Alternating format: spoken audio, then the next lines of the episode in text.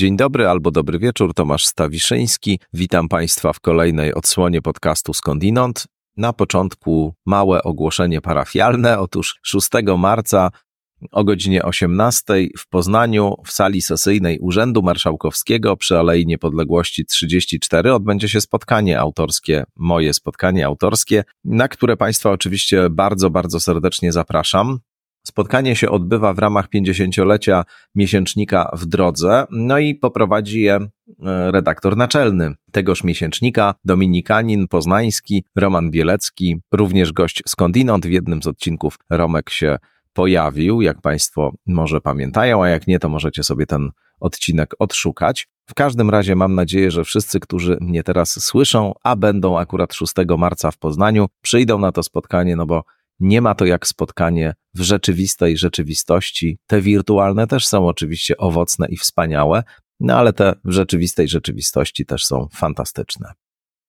A propos fantastycznych spotkań w rzeczywistej rzeczywistości, to muszę powiedzieć, że e, nasze warsztaty, jak myśleć racjonalnie w czasach chaosu, które Państwu tutaj rekomendowałem dwa tygodnie temu, no poszły z naszej perspektywy mojej i e, doktora Pawła Boguszewskiego, wspólnie żeśmy je poprowadzili naprawdę fantastycznie. Znakomita grupa, te 8 godzin spędzonych na intensywnym myśleniu, na dyskusjach, na zastanawianiu się nad tymi sprawami, które dookoła nas buzują w dziwnym, chaotycznym świecie. Dzięki wielkie dla wszystkich, którzy wzięli udział w tych warsztatach. Naprawdę podkreślam, znakomita to była grupa. No i dziękuję też za feedback, który od Was dostaliśmy. Będziemy oczywiście kolejne edycje tych warsztatów organizować, ale też e, planujemy inne e, warsztaty, inne seminaria, spotkania robić, no bo mamy poczucie, że to jest czas, który wymaga tego typu form i one się bardzo tutaj sprawdzają i są po prostu potrzebne. No więc jeśli jeszcze jestem przy podziękowaniach, to dziękuję oczywiście tradycyjnie wszystkim patronkom, patronom, subskrybentkom, subskrybentom. Dzięki za to, że wspieracie skądinąd. Dziękuję firmie Square Tax and Legal Services, doradcy podatkowi i prawnicy za wsparcie masywne na Patronite. Zachęcam oczywiście wszystkich do tego, żeby podcast wspierać. No a teraz już tylko pokrótce przedstawię naszego gościa, którym jest doktor habilitowany Sławomir Murawiec, psychiatra, także psychoterapeuta, e, związany z Akademią Zdrowia Psychicznego Harmonii, no i e, popularyzator od wielu, wielu lat wiedzy na temat zdrowia psychicznego, psychiatrii, psychoterapii, mający taką bardzo ciekawą perspektywę, no bo właśnie z jednej strony ściśle medyczno-biologistyczną, a z drugiej strony humanistyczno-psychodynamiczno-psychoanalityczną.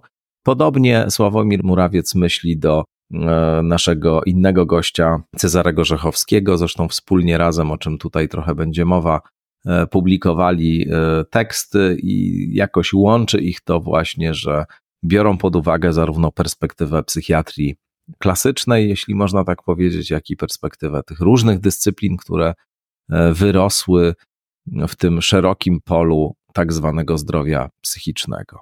No a ze Sławomirem Murawcem rozmawiamy o różnych e, kontrowersjach związanych z psychiatrią i psychoterapią, różnych sporach, dyskusjach żywych, intensywnych, które toczyły się na te tematy i wciąż się toczą w Polsce i nie tylko. Pomyślałem, że to może być taka ciekawa, przekrojowa rozmowa o tych kwestiach, które przecież dotyczą wielu z nas czy właściwie coraz większej liczby ludzi w Polsce i nie tylko w Polsce dotyczą. No więc, e, żeby się tak e, przejść po tych różnych e, problemach, przyjrzeć im jednym bliżej, drugim pobieżniej. W każdym razie mam nadzieję, że ta rozmowa będzie dla Was ciekawa. No i cóż, zapraszam Sławomir Murawiec przed Państwem.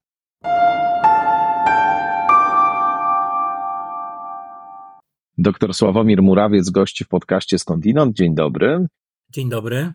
Pan jest i psychiatrą, i psychoterapeutą. Ma pan za sobą studia medyczne, specjalizację psychiatryczną, doktorat, habilitację z psychiatrii, ale też szkolenie e, w kierunku psychoterapii psychodynamicznej i zastanawiam się, jak te dwa nurty, te dwa podejścia, te dwie perspektywy się łączą u Pana. Czy się łączą całości, czy się łączą tylko częściowo? jak to wygląda i może też historycznie, jakby pan opowiedział, którędy ta pańska edukacja dwutorowa przebiegała i dlaczego tak właśnie, a nie inaczej? Ona przebiegała rzeczywiście dwutorowo. Zacznę od tego wątku historycznego. To znaczy, rozpocząłem e, specjalizację z psychiatrii i e, równolegle zacząłem szkolenie w psychoterapii psychoanalitycznej. E, I to, co mogę powiedzieć, to, że na początku to pewnie było tak trochę oddzielnie. To znaczy, że z jednej strony nabywałem wiedzę tą psychoanalityczną, można powiedzieć, czy psychodynamiczną, z drugiej strony tą psychiatryczną e, i to były dwa nurty takie e, słabo na siebie oddziaływujące, dwa światy można powiedzieć. Dopiero pewnie po jakimś czasie zaczęło mi się to jakoś łączyć. Tu pewnie dużą rolę jeszcze odegrała neuropsychoanaliza, czyli e, taki nurt badań, rozważań, który stara się połączyć tą część neurobiologiczną z psychoanalityczną. No i tutaj już z konieczności to łączenie oczywiście miało miejsce.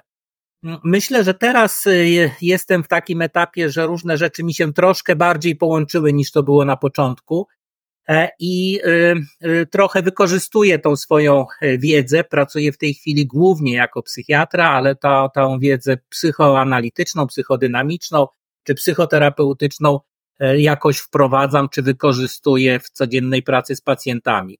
Więc e, cały długi e, taki proces, e, który no nie jest też pewnie łatwy, żeby takie dwa światy połączyć, zwłaszcza może kiedyś nie był taki łatwy, kiedy psychiatria była no dużo bardziej oddzielona od, od tej części psychoterapeutycznej. Ja o to pytam, bo mam w pamięci taką książkę amerykańskiej antropolożki Tani Lurman, bardzo ciekawa autorka. Y, wiele ciekawych książek napisała, ale y, jest taka jej y, książka, która nazywa się On Two Minds, o dwóch umysłach. No i ona ma taką metodę pisarską polegającą na tym, że po prostu jak antropolożka bada różne środowiska, jakoś uczestnicząc w życiu osób, które opisuje, przygląda się temu od środka, stara się zrozumieć pewne e, dynamiki e, i, e, i no, rzeczywistość, która, która jest przedmiotem jej zainteresowania. No i właśnie między innymi wzięła na ten pisarsko-antropologiczny warsztat amerykańską psychiatrię i napisała książkę mm, o tym, że ta e, psychiatria amerykańska funkcjonuje w takim specyficznym rozdwojeniu właśnie. To są te tytułowe dwa umysły, że z jednej strony e, ktoś, kto się w tym kierunku kształci, dostaje taki trening biologistyczno-medyczny, w którym akcent kładziony jest właśnie na sferę e, biologii, na sferę organizmu, roz, rozmaitych substancji, które decydują o mm, jakichś reakcjach wewnątrz organizmu, które następnie przekładają się na jakieś wewnętrzne stany. No i tam farmakologia, właśnie neuroprzekaźniki to jest ten obszar główny zainteresowania. No a z drugiej strony jest ten trening, to jest książka jeszcze sprzed kilkunastu czy kilkudziesięciu lat, więc ten trening taki psychodynamiczny, nawet wyglądał chyba jeszcze bardziej e, intensywnie niż teraz. Teraz to się wszystko pozmieniało bardzo, ale e, ten moment, kiedy ona opis, który ona opisuje, to jest jeszcze właśnie taki moment, w którym te, ta psychodynamiczna perspektywa jest istotna w amerykańskiej psychiatrii. No i tu mówi Lurman, ten sam człowiek, który wcześniej uczył się o neuroprzekaźnikach i mózgu, dostaje z kolei taką narrację o źródle cierpienia psychologicznego, które jest w przeszłości, w doświadczeniach, w relacjach i tak dalej. No i ona taką tezę stawia, że to się jednak gdzieś na głębokim poziomie wyklucza. I zastanawiam się, czy pan się zgadza z tą tezą, że to się wyklucza, czy, czy nie do końca. Y, zgadzam się z tą pierwszą częścią tego, o czym pan powiedział, te two minds, tak, dwa umysły. To tak. myślę, że, że absolutnie tego doświadczyłem i o tym powiedziałem w tej mojej wypowiedzi, że to rzeczywiście dwa sposoby e, myślenia o tym, z czego wynikają nasze problemy. mówię nasze, ludzkie, tak, psychologiczne, psychiatryczne problemy. Natomiast moim zdaniem z końcówką bym się nie zgodził. To znaczy, ja bym inaczej zakończył tą pana wypowiedź, bo jak pan powiedział, i, i na końcu stawia tezę, że to się wyklucza, to ja, mój umysł już podpowiedział i na końcu stawia tezę, że to się łączy. Nie, ona uważa, że mamy tutaj do czynienia z pewnym rozszczepieniem jednak. E, a e, ja myślę, że to się gdzieś głęboko łączy. Może to jest jakaś e, no, myśl i siła, żeby jednak połączyć te różne sposoby e, widzenia, myślenia. No i tutaj znowu wrócę do neuropsychoanalizy, która już ma kilkanaście lat. Pierwszy zjazd był w 2000, 2000 roku w Londynie, więc ma już jakiś dorobek e, i stara się właśnie łączyć, obiektywizować, tłumaczyć e, te dwa obszary, które wydają się oddzielne, e, tak żeby spróbować z użyciem narzędzi obiektywizacyjnych i oczywiście myślenia e, psychoterapeutycznego czy psychodynamicznego to ze sobą jakoś łączyć. Więc myśl, ja myślę, że to się łączy, tylko z dwóch różnych perspektyw patrzymy na ten sam obiekt. To, to zresztą mówi Mark Solms, twórca neuropsychoanalizy. Tutaj y, są też takie po, y, nazwijmy to, bardzo wyrazistych, radykalnych stronach tych dwóch umysłów głosy, które mm, powiadają, że tego łączyć się nie da. Y, mówię o takich głosach z jednej strony psychiatryczno-biologistycznych, takich podejściach czy takich postawach wewnątrz samej psychiatrii, które przywiązane są do tego medycznego paradygmatu i podejrzliwie traktują różne formy e, i e, aktywności e, psychoterapeutycznej i samych, nazwijmy to, narracji takich psychoterapeutyczno-psychoanalitycznych, które próbują rozumieć zaburzenia psychiczne. I z drugiej strony, po po stronie tych psychoanalitycznych y, radykałów, jeśli można tak powiedzieć, to zwłaszcza wśród takich ortodoksyjnych psychoanalityków chyba jest y, obecne. No jest duża nieufność z kolei do tych mm, psychiatrycznych podejść czy interwencji. Jest taka narracja, że właściwie wszystko jesteśmy tutaj w stanie swoimi narzędziami zrozumieć i jesteśmy w stanie na to oddziałać i nie potrzebujemy e, tej drugiej strony. Rozumiem, że pan gdzieś jest pośrodku e, w takim razie i, i próbuje pan te światy e, też e, na swój sposób łączyć.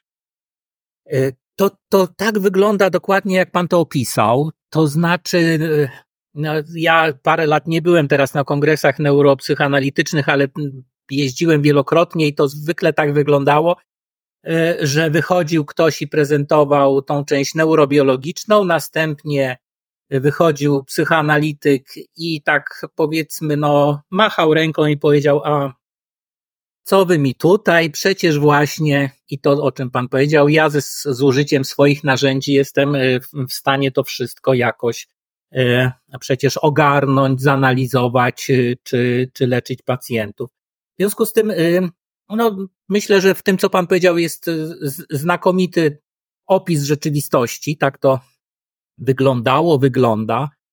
E, natomiast e, no, mi bliższe jest jednak takie spojrzenie, e, jak, jak mówi Mark Solms, twórca neuropsychanalizy, on to tak barwnie mówi, jeśli mogę to przytoczę, to, to jest cytat, tak, budzę się rano, patrzę w lustro na tego tam nieogolonego faceta i myślę, no Mark Solms, a potem zaczynam myśleć i tam zagłębiać się w siebie, no i to też jest Mark Solms.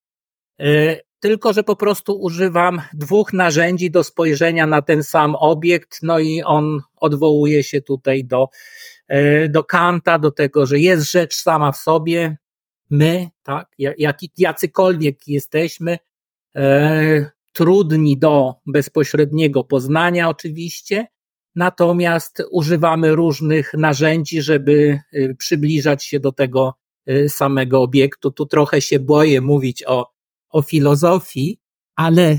To... Nie, właśnie trzeba mówić jak najbardziej. To jest to miejsce, w którym jak najwięcej chcemy mówić o filozofii. No więc, więc on mówi, że to, to kantowskie jest spojrzenie, to już pan potrafi to ocenić, czy, czy jakieś herezje tutaj e, prawie. W każdym razie jest rzecz sama w sobie i po prostu z różnych stron, z użyciem narzędzi albo tych zewnętrznych, czyli patrzę na siebie w lustrze obiektywizujących albo introspekcyjnych, do tego podchodzimy, ale, ale gdzieś jest e, jakaś część wspólna, no na logikę musi być chyba, no bo e, no jakoś jako ludzie pewnie mamy jakąś jednak no, strukturę, która jest e, spójna, tyle że, no, krótko mówiąc, nie, nie mamy do niej takiego bezpośredniego e, dostępu i podchodzimy z dwóch stron.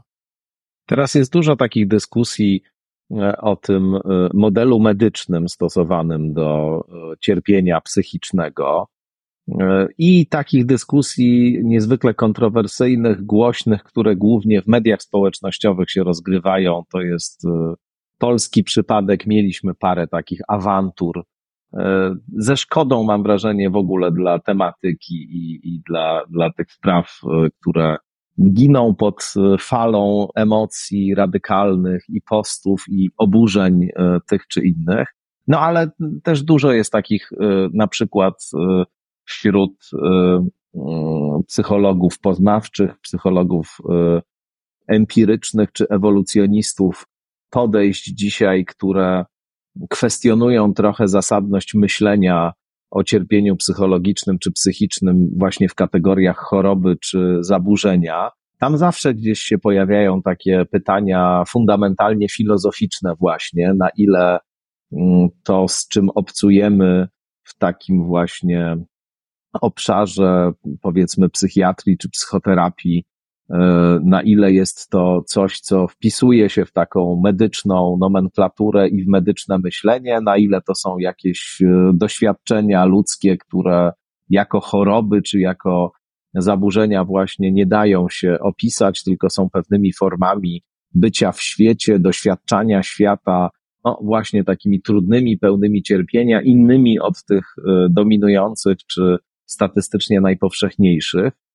E, zapytałbym pana najpierw ogólnie właśnie o to, jak pan z tym swoim e, rozległym e, backgroundem teoretycznym, takim nie, niejednoznacznym, bo, bo też i, ale do tego przejdziemy później, pan różne bardzo ciekawe sposoby i pomagania osobom cierpiącym i myślenia o tym cierpieniu rozwija, takie niestandardowe zupełnie. Myślę tutaj o tym zamiłowaniu do obserwowania ptaków, ale to jeszcze, jeszcze za moment. Na razie ogólne pytanie, jak pan właśnie e, odnosi się i patrzy na te spory, które no, jakoś bardzo głęboko w tę materię cierpienia psychicznego, psychologicznego wnikają, jakoś kwestionują e, zasadność stosowania tutaj medycznych kategorii Mm, nie mówię o tych takich skrajnych podejściach antypsychiatrycznych, na przykład, w których w ogóle się uważa, że tam cierpienie psychiczne jest formą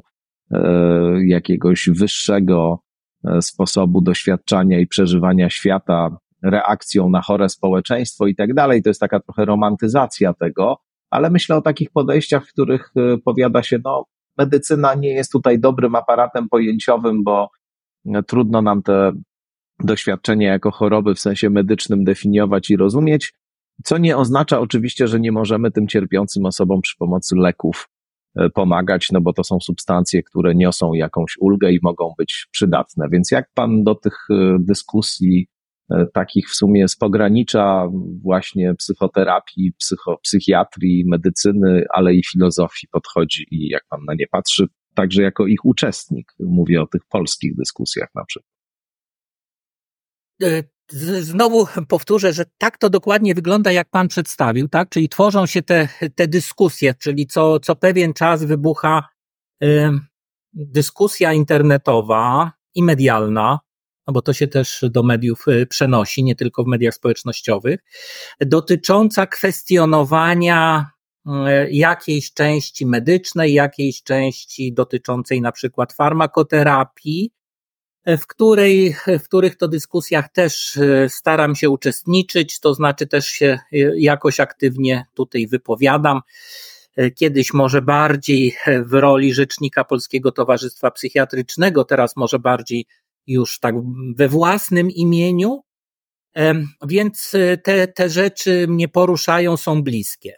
E, I odpowiadając już teraz na, na Pana pytanie, powiedziałbym tak, e, że ja bym rozróżnił pomiędzy sytuacją, kiedy e, dyskutują ze sobą, powiedzmy, neurobiolog i psychoanalityk, i jeden mówi drugiemu, nie masz racji, ale za każdym z nich stoi pewny, pewien zasób wiedzy, doświadczenia, od takich dyskusji, które są prowadzone w oparciu o, no powiedzmy, niewybitny zasób wiedzy i rozumienia, bez chęci poznania argumentów tej drugiej strony, są motywowane bardziej może ideologicznie.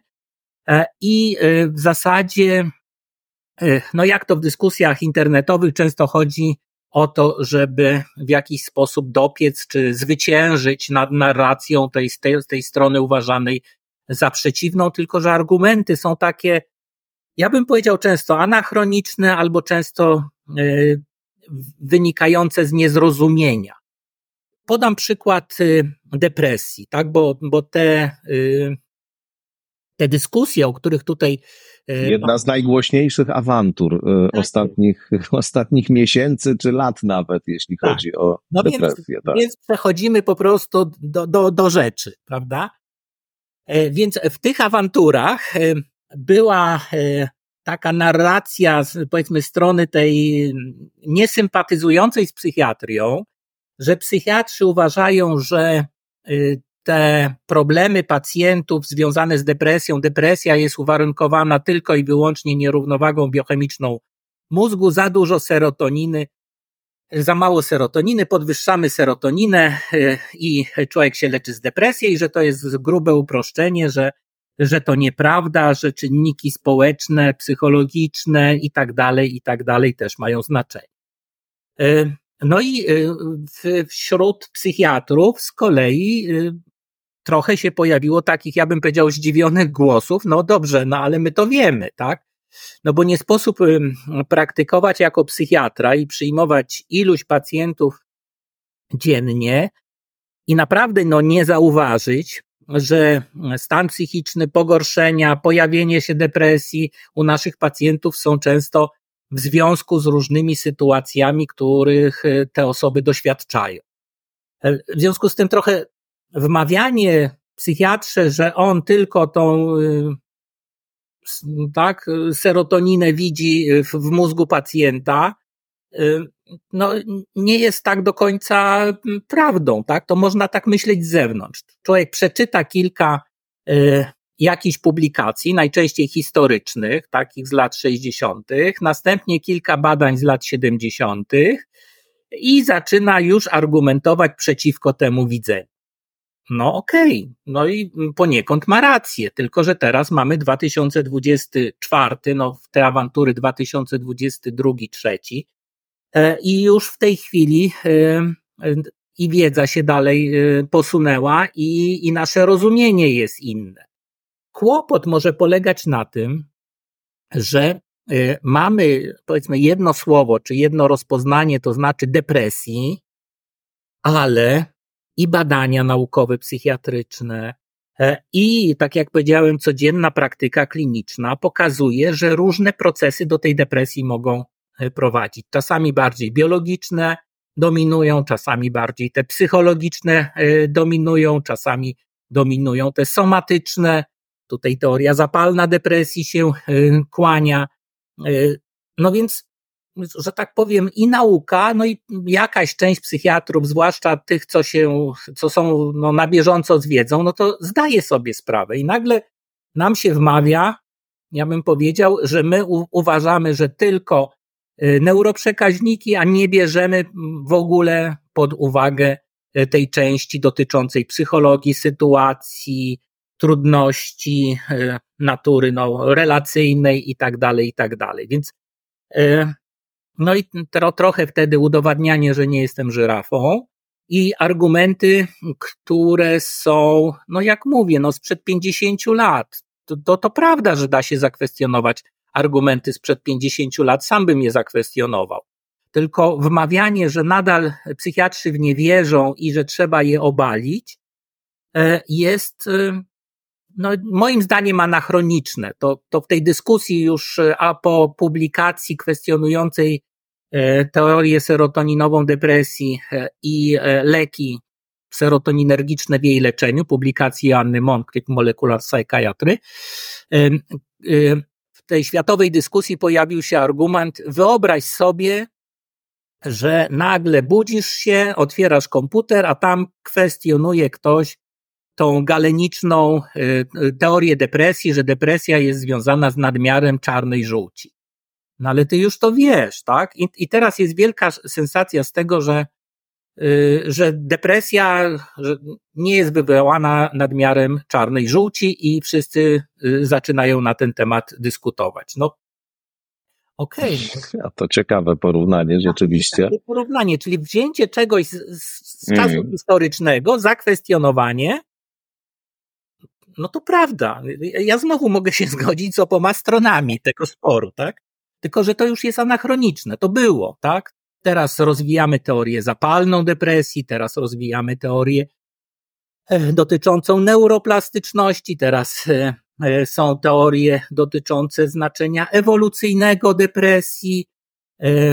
Taka praca, która w 2019 została opublikowana, mówiła, że 37 procesów różnych o udowodnionej, udowodnionych naukowo może prowadzić do wystąpienia depresji. No może nieszczęście polega na tym, że nadal jesteśmy e, na tym etapie, że jest jedno słowo, tak, że trzeba by może różnicować depresja taka, taka, taka, taka, taka i wtedy może łatwiej by było całą tą różnorodność, którą, która jest i którą widzimy, e, no jakoś ujmować. To ja bym tutaj e, dwie rzeczy powiedział w ramach budowania takiego kontekstu do tego sporu o, o którym Pan powiedział, i do tych krytyk, które Pan zrekonstruował. Pierwsza rzecz jest taka, że jak rozumiem, jakiś rodzaj krytyki e, przez Moncrief formułowanej, ale też e, właśnie takiej krytyki, która się pojawia e, ze strony tych osób, które wcześniej wspomniałem, choć nie wymieniłem ich z nazwiska, myślałem o psychologach y, empirycznych, ewolucjonistach, psychologach poznawczych typu Jonathan Rottenberg, Peter Kinderman, na przykład, czy Richard Bental, jest taki brytyjski, e, bardzo e, zapalony krytyk podejścia medycznego do cierpienia psychicznego właśnie na rzecz tych narzędzi czy instrumentów psychologicznych on bardzo silnie argumentuje. W każdym razie jest taki e, w obrębie tej krytyki argument, no, że w tym myśleniu medycznym e, trzeba mieć zdefiniowane zaburzenie czy też proces chorobowy, no a żeby mieć zdefiniowane zaburzenie czy proces chorobowy, no to trzeba mieć jakiś punkt odniesienia i jakąś płaszczyznę, na której ten proces może się toczyć. No a medycyna się zajmuje ciałem ludzkim, organizmem ludzkim, więc musi ten proces chorobowy identyfikować gdzieś jakoś w ciele. No i że w przypadku różnych innych mm, jakichś e, medycznych specjalizacji jesteśmy w stanie te procesy lepiej lub gorzej, ale wskazać. E, mamy narzędzie diagnostyczne, wiemy jaki e, poziom tego czy innego czynnika w normie jest, jest stanem e, właśnie zdrowia i wiemy, jakie odstępstwo od tej normy można rozumieć jako proces chorobowy.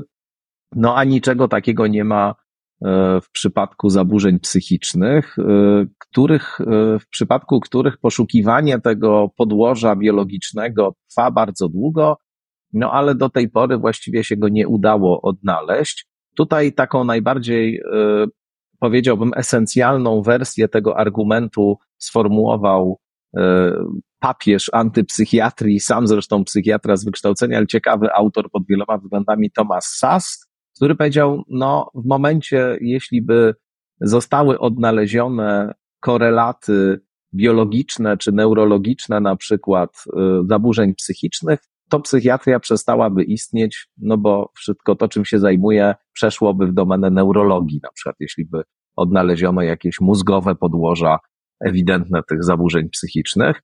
I to jest jakby jedna część tych y, dyskusji, czy tych y, argumentów, tych krytyk, która powiada, no właśnie, my tu nie mamy E, właściwie żadnego procesu identyfikowalnego inaczej niż poprzez rozmowę z człowiekiem, słuchanie tego, co on myśli o świecie, o sobie, jak przeżywa e, rzeczywistość, no a to nie może być definiowane jako coś chorobowego, bo to nie jest e, w sensie ścisłym choroba i nie może być.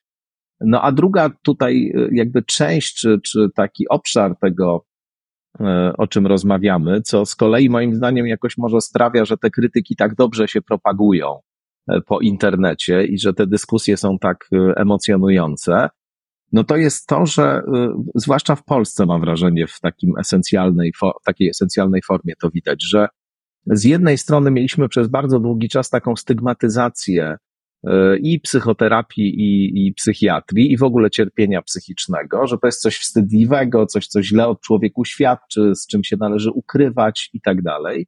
No i potem jednak nastąpiło jakieś tutaj przełamanie, e, sprawa została odtabuizowana, ale z kolei pojawiło się w takim e, powszechnym obiegu wiele takich e, haseł, takich, takich poglądów, że no, choroba psychiczna czy cierpienie psychiczne, weźmy tę depresję, to jest dokładnie to, to samo, co nie wiem, grypa czy jakakolwiek inna choroba. Coś tam się dzieje w twoim organizmie, masz czegoś za mało, zaczynasz chorować, idziesz do lekarza, bierzesz lek, e, no i ten lek sprawia, że e, ten stan nierównowagi w twoim organizmie, który wywołuje taki, a nie inny stan, zostaje przywrócony, no i czujesz się lepiej, nie ma to nic wspólnego z niczym, co, co właśnie wiązałoby się, nie wiem, z jakimiś, jakimiś głębszymi procesami o charakterze myślowym, egzystencjalnym, e, związanym z, nie wiem, jakością Twoich relacji, Twoim życiem, tym, co dookoła Ciebie się dzieje. To jest po prostu taka sama choroba jak każda inna choroba, a psychiatra to jest taki sam lekarz jak każdy inny. No i te krytyki oczywiście jakoś y, wychodząc od właśnie tych różnych z kolei trudności i metodologicznych i innych z tym polem psychiatryczno-psychologicznym, też uderzają po prostu w taką narrację, z którą, jak sądzę, i pan się też y, by nie zgodził, prawda, że, że mamy do czynienia z czymś dokładnie takim samym jak grypa, kiedy mówimy na przykład o depresji. Więc te dwa pola, jakby tutaj chciałbym jako szersze konteksty jeszcze do tej rozmowy naszej wprowadzić. Jak pan by się do tego. E, jeśli mogę, najpierw do tego drugiego, dobrze, a potem mhm. mi pan troszkę przypomni ten. Dobrze, dobrze. Dobrze. Bo moja pamięć operacyjna tak trochę. Nie, dosyć długo mówiłem tutaj, więc. Przeładowała, więc ten, ten, oba mnie poruszyły, e, te wątki. I ja bym zrobił takie wyjaśnienie. Jeżeli mówimy, że psychiatra to taki sam e, lekarz e, jak każdy inny, to to się odnosi właśnie do tego wątku edukacyjnego i do stygmatyzacji. To znaczy, kiedy e, ja zaczynałem i zanim kampanie społeczne zrobiły naprawdę znakomitą robotę, na rzecz świadomości społecznej dotyczących zaburzeń psychicznych, no to psychiatra to nie był taki sam doktor jak inny. To był jakiś taki, no, wersji filmowej usiłuje zapanować nad światem, w wersji mniej filmowej, dowcipkowej jest y, sam, nie różni się od swoich pacjentów niczym poza tym, że wychodzi z pracy o 15 i generalnie y, no, sam należy do tej samej kategorii co jego najbardziej chorzy pacjenci, tak powiem językiem rzecznika. Już nie, nie mówiąc e, dosłownie, jak to brzmiało. E, I w związku z tym, to przekonywanie, że jeżeli masz problem, to idź do lekarza, tak jak, jak masz problem kardiologiczny, to idź do kardiologa, jak psychiatryczny, idź do psychiatry, jest na poziomie edukacyjnym. Czyli, żeby po prostu zwrócić uwagę społeczną, że no dysponujemy jako społeczeństwo specjalistami, którzy zajmują się także tą sferą i którzy e, no, nie są tacy jak ci z filmu, e, marzący o zawładnięcia światem, demoniczni, e, straszni i w ogóle tam jakoś, no, no i w filmach, w, literaturze to się powtarza. Sam, sam kiedyś też takie różne cytaty znajdowałem. No w każdym razie de demoniczny co najmniej albo kompletnie zwariowany. Prawda? Yy, depresja gangstera też to pokazuje. Prawda? Tak, to tak? prawda. No, ten psychiatra taki. Mm. Okej, okay, no więc tak. W związku z tym. Psychiatra też człowiek. Była, była to próba takiej edukacyjnej, społecznej normalizacji zawodu tak? Że ani, ani nie demoniczny, ani nie taki no całkiem zwariowany, no tylko po prostu doktor. No i myślę, że większość osób, które trafiły do psychiatry, y, no napotkały no właśnie mi, miłą, życzliwą osobę siedzącą naprzeciwko, która, no, której marzeniem nie było ani, ani zawładnięcie nad światem, ani y, też z kolei jakoś nie zachowywała się w sposób kompletnie y, niedostosowany. E, no, jakby tak było, no to nie miałaby tych pacjentów. W związku z tym, to, to, to jest ten poziom. Jeśli chodzi o ten poziom dotyczący leczenia, czyli pierwsza część, pierwsza część drugiej części e, tego, co Pan pytał, e, to E, ja sobie myślę, że zastosowanie leków w psychiatrii e, może być y, bardzo użyteczne i sam tych leków używam, ale właśnie zawsze w kontekście, w kontekście sytuacji, w jakiej znajduje się ta osoba. Czyli tak jak ja sobie myślę, w oparciu o pewne podejście, no trochę e, ewolucyjne, taki jest profesor Rantala, który się tym zajmuje, ale przede wszystkim o dramatologię profesora Henry'ego Lotana, to jest psychoanalityk, psychiatra, który no, pracował, e, pracuje długo w Nowym Jorku. To jest tak. Mamy leki, te leki wywierają jakiś wpływ na e, funkcje psychiczne, na sposób przeżywania danej, danej osoby.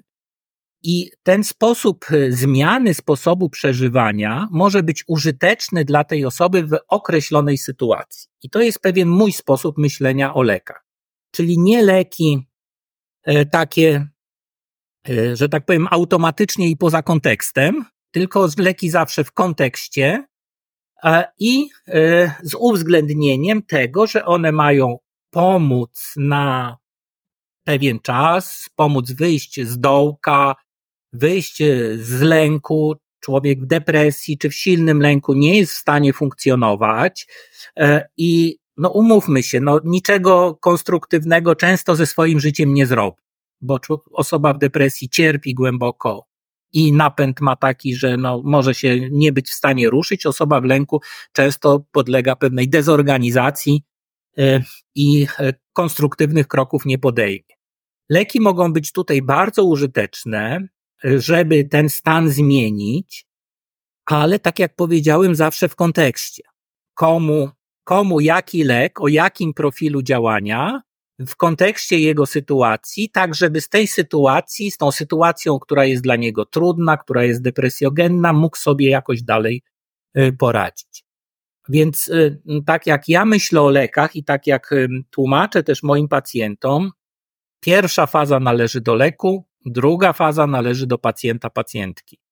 Pierwsza faza to jest wyciągnięcie z tego dołka, lęku, stanu. Druga faza to jest y, spojrzenie na swoją sytuację, poszukanie psychoterapii, y, zmiana sytuacji życiowej, co wiemy obaj, że bywa trudne, bo nie zawsze tą sytuację życiową możemy tak sobie dowolnie zmieniać, ale w każdym razie przyjrzenie się tej sytuacji, która do depresji doprowadziła. E, I w takim ujęciu ja bym powiedział, że leki e, e, mogą spełnić ważną rolę, e, ale właśnie w takim e, dwufazowym, tak, co najmniej dwufazowym e, podejściu do leczenia. I co ciekawe, i ja bym powiedział paradoksalne trochę, to moje myślenie zostało znaczy już wcześniej tak myślałem, ale zostało wzmocnione przez pracę, która ukazała się w British Journal Psychiatry, której współautorką jest wspomniana Moncrief.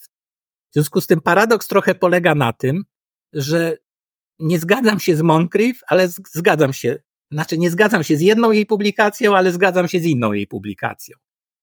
Tam było trzech autorów, ona była środkowym, e, które właśnie mówią, leki mają swój specyficzny sposób działania, wpływu na funkcje psychiczne e, i przed każdym leczeniem trzeba ocenić, czy taki sposób myślenia, taki sposób działania leku będzie użyteczny dla, dla pacjenta w jego y, określonej sytuacji. No i powiedziałbym, że to jest mi bliskie i to pozwala uniknąć y, no, pewnego niebezpieczeństwa, którego pewnie jakimś przykładem są Stany Zjednoczone, gdzie mamy tą epidemię opiatową, prawda? Czyli dawania leków y, tak po, po, tutaj mówię bardziej o tych opiatach, tak, na każdą okoliczność każdemu. Bo to rzeczywiście e, nie będzie prowadziło do, e, do dobrych rezultatów. Natomiast takie zadziałanie celowane w kontekście osoby, jej cech, mm, na ile to jest osoba e, taka, która potrzebuje spokoju, albo taka, która potrzebuje właśnie sukcesów, i w kontekście sytuacji, w jakiej się znalazła, może dawać moim zdaniem znakomite rezultaty i może być tym osobom bardzo, bardzo pomocne. No, tak bym na to odpowiedział.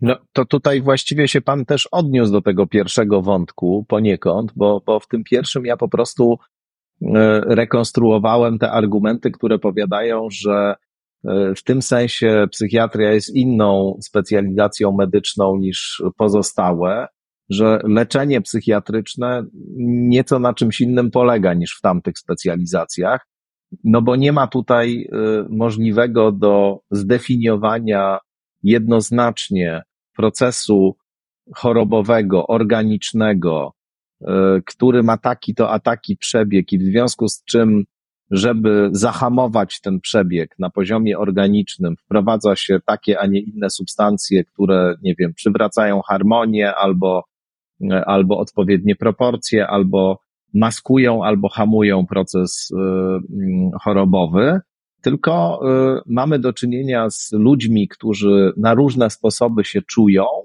mogą być w sensie medycznym zdrowi, w tej perspektywie pozostałych specjalizacji medycznych. Nie jesteśmy w stanie wskazać żadnego konkretnego procesu organicznego, który stoi za ich negatywnym samopoczuciem, no bo właśnie jest to cała siatka czynników, które sprawiają, że człowiek się czuje tak, a nie inaczej. Jedne jakoś gdzieś związane z jego biologią, inne związane z jego psychologią, inne związane z jego światopoglądem, inne związane z jego relacjami, jeszcze z polityką, z krajem, w którym żyje, z jakością relacji społecznych. Natomiast mamy jakieś substancje, o których wiemy, że w określony sposób na ludzkie samopoczucie e, wpływają, no i używamy tych substancji, żeby ten człowiek, e, który czuje się bardzo źle, poczuł się lepiej. Ale że jakby w sensie ściśle medycznym nie można tu mówić o chorobie i leczeniu. To, to są takie argumenty, te, które w tym pierwszym wątku. Umiem, natomiast nie do końca bym się też z nimi zgodził. Ja myślę, że trochę pułapka, w której jest psychiatria, z której oczywiście chciałaby wyjść, to jest to, że mamy rozpoznania ciągle na poziomie zespołów objawowych. Mhm. To znaczy, że rozpoznajemy depresję na podstawie e, pewnego zespołu objawów. E, I e, to, co mówiłem, że za tym zespołem objawów mogą kryć się różne procesy. No i teraz tak, jeżeli zbadamy 100 osób z depresją, u których, objawową depresją, u których e, e, różne procesy do tej depresji doprowadziły, to oczywiście nie uzyskamy spójnych wyników dotyczących e, procesu jednego, który prowadzi do tejże depresji. Mamy takie rozmycie wyników. Myślę, że gdybyśmy byli w stanie, no i oczywiście są prace na ten temat i co jakiś czas pojawiają się e, próby w tym kierunku, zdefiniować e, no, podtypy, tak? Podtypy czy pewne postaci depresji, schizofrenii, to w tym momencie ten argument obratku biologicznego korelatu, podłoża, jak zwał, tak zwał, w każdym razie tej strony biologicznej upada. Więc to jest e, moim zdaniem jedna rzecz, czyli jesteśmy w stanie zidentyfikować różne biologiczne procesy, tylko trzeba by je bardziej specyficznie do danego, nie wiem, rodzaju, tak, depresji, schizofrenii dopasować. E, I, I wtedy by myślę, że nam e, zdecydowanie bardziej wychodziło. Druga rzecz, która tutaj w tym, w tym, o czym Pan mówił, moim zdaniem pokutuje, to jest kwestia tego, że rzeczy są widziane jako czysto biologiczne albo czysto psychologiczne. E, a tak nie jest. E, I tu pytanie proste, jasne. Czy nasza rozmowa jest faktem psychologicznym czy biologicznym? Proszę mi powiedzieć. Jednym i drugim, moim zdaniem tak? Czyli... Tak, stąd chwila milczenia, bo właśnie się zastanawiałem, jak to, jak to opisać. Oczywiście, że tak. No. Tak, I jednym, i rozmawiamy na poziomie psychologicznym, ale y, podejrzewam, że no, używam swoich neuroprzekaźników, neuronów, zasobów pamięciowych, mózgu i gdyby mnie teraz podłączyć pod skaner, mm, to no to by wykazał aktywność pewnych obszarów, innych nieaktywność, tak? Czy gdyby pana podłączyć pod skaner w tej chwili milczenia, to też prawdopodobnie jakiś ośrodek mózgowy tam yy, wzmógł swoją aktywność przez chwilę, prawda? W związku z tym to idzie na obu poziomach równolegle. I teraz yy, tłumaczenie, że coś jest czysto psychologiczne, jest moim zdaniem kompletnie nieporozumieniem. E, powiedzmy, że człowiek jest w silnym stresie psychologicznym e, związanym z, nie wiem, złą relacją w swoim związku. Czy będziemy to rozważać jako e, fakt? I to, to jest jedyna przyczyna. Poza tym jest zdrów jak przysłowiowa ryba. Ale, ale no, w związku dramat. Czy to jest zjawisko czysto psychologiczne? No nie. Nie, ale pytanie, jak mam tu wyznaczyć, co jest chore, a co zdrowe, co jest zaburzone, a co jest normalne w takim przypadku? Y, no bo w tym sensie każdy, każdy, każda ludzka aktywność, prawda, każda, e, wszystko co robię jakoś się odzwierciedla e, w moim mózgu, więc... I w ciele, i w ciele. I w ciele, tak. Tak, prawda? I tu rzeczywiście jest y, pytanie o ten punkt odcięcia, tak? My najczęściej przyjmujemy ten funkcjonalny, to znaczy, że jeżeli człowiekowi już to zaburza możliwość życia, funkcjonowania, powoduje cierpienie, no to w tym momencie jest ten punkt odcięcia, ale to jest y, pewnie jakoś do, do ustalenia. Natomiast y, dążę do tego, że jeżeli ta osoba jest z czysto psychologicznych względów w silnym stresie albo jest w przewlekłym stresie, to będzie się działo coś z jej mózgiem także, to znaczy aktywność mózgu y, i y, równowaga pracy mózgu się będzie zmieniała, wyciszą zmniejszy się aktywność tych części y, sprawujących świadomą kontrolę, zwiększy tych związanych z przeżywaniem złości, takimi impulsami ze środka, że tak powiem, mózgu, zmieni się funkcjonowanie cielesne, ta, pan mówił o grypie, tak? Jedna ze współczesnych teorii depresji mówi o tym, że przynajmniej u części osób yy, z depresją tworzy się taka stan subzapalny, czyli grypa bez wirusa, można powiedzieć. I stąd jest większa zachorowalność na choroby układu sercowo-naczyniowego, cukrzycę i tak dalej. No i teraz, yy, yy, no i, i teraz tak, ktoś ma czy problem psychologiczny, ale cała równowaga pracy jego mózgu się zmienia i jeszcze y, dostaje na końcu zawału w rezultacie albo cukrzycy, albo jakiegoś innego e, problemu cielesnego. No i teraz, no dobrze, to jest czysto psychologiczne, i w związku z tym leczyć, nie leczyć, pomagać, nie pomagać. Y, jeżeli ten zawał jest tak zrozumiały psychologicznie y, i jest następstwem stresu psychologicznego, to leczyć czy nie leczyć ten zawał? No bo on ewolucyjnie jest no, zrozumiały, prawda? I psychologicznie. E, w związku z tym te, te podziały na takie czysto psychologiczne i czysto biologiczne wydają mi się sztuczne. Rzeczywiście jest pytanie takie, które pan zadaje, ten punkt odcięcia i rodzaj interwencji, który powinien być, czy może być w tym momencie wdrażany. Natomiast znowu takie oddzielanie psychologicznego od biologicznego wydaje mi się anachroniczne, no mówiąc krótko. Tak, tak, ja, ja absolutnie się zgadzam e, z tym, jak pan zarysował ten e, krajobraz, bo, bo trudno dzisiaj w perspektywie e, neuronauki i wszystkiego tego, co wiemy o funkcjonowaniu choćby ludzkiego mózgu. Myśmy tu nieraz z Pawłem Boguszewskim także w podcaście Skądinąd na temat tych spraw rozmawiali. Zresztą a propos jeszcze Joanny Moncrief, to też rozmowę z Cezarem Rzechowskim. Tutaj Państwo mogą znaleźć Skądinąd, która była e, przeprowadzona zaraz po tym, jak ta sprawa wybuchła, więc mo, mo, można też do niej wrócić, ale rzeczywiście jest tak, że mm, trudno inaczej dzisiaj ten krajobraz opisywać i wydaje się, że te takie okopane na swoich pozycjach dwa bastiony, ten biologistyczny, twardy i ten psychoanalityczny, twardy, E, które nie chcą uznać tego, że sprawa jest bardziej skomplikowana, no one są jednak e, już trochę w takim, e, nawet nie trochę, tylko bardzo anachronicznym sposobie myślenia uwięzione i jakoś nie chcą z tego uwięzienia wyjść.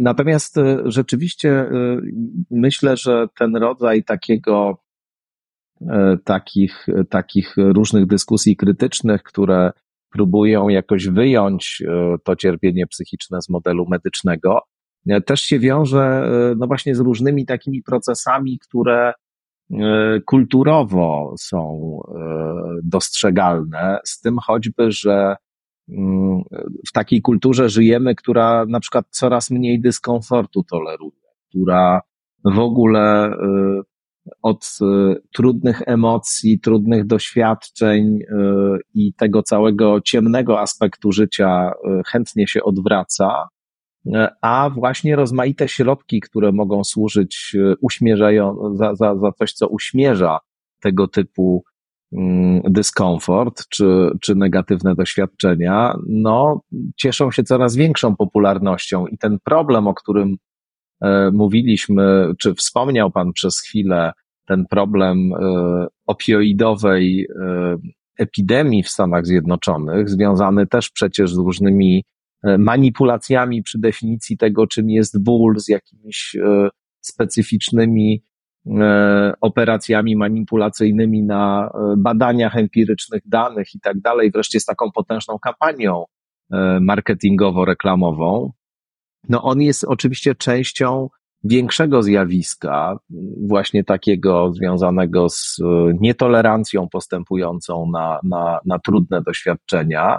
I ta pokusa, żeby patologizować każde negatywne doświadczenie czy różne negatywne emocje, żeby je widzieć jako mm, coś, co jest, e, no właśnie, efektem e, choroby albo zaburzenia, i w związku z czym można się posłużyć e, lekami do tego, żeby e, uśmierzyć ten, ten ból, no, wydaje się bardzo duża i przecież e, w obszarze samej psychiatrii wiele takich dyskusji się toczy dotyczących nadużywania diagnostyki, właśnie takiego zasypywania rynku rozmaitymi lekami, które przedstawiane są jako panacea na kolejne stany wcześniej postrzegane jako normalne albo stanowiące część e, e, osobowości, a, a e, w tej chwili na przykład uznawane za coś, co też podpada pod jakąś kategorię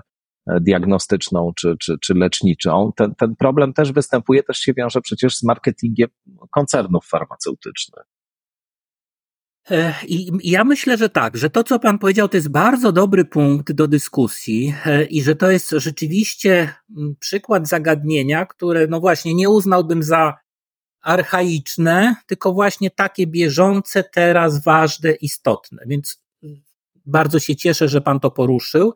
Ja tylko wspomnę, nawiązując, bo Pan powiedział o doktorze Cezarym Rzechowskim, że z doktorem Cezarym Rzechowskim i napisaliśmy, y, zredagowaliśmy książkę o neuropsychanalizie i razem hmm. jeździliśmy na, na kongresy neuropsychanalityczne. W związku z tym to jest, y, no to też troszkę, mam nadzieję, ten sam nurt myślenia, o którym tutaj mówię.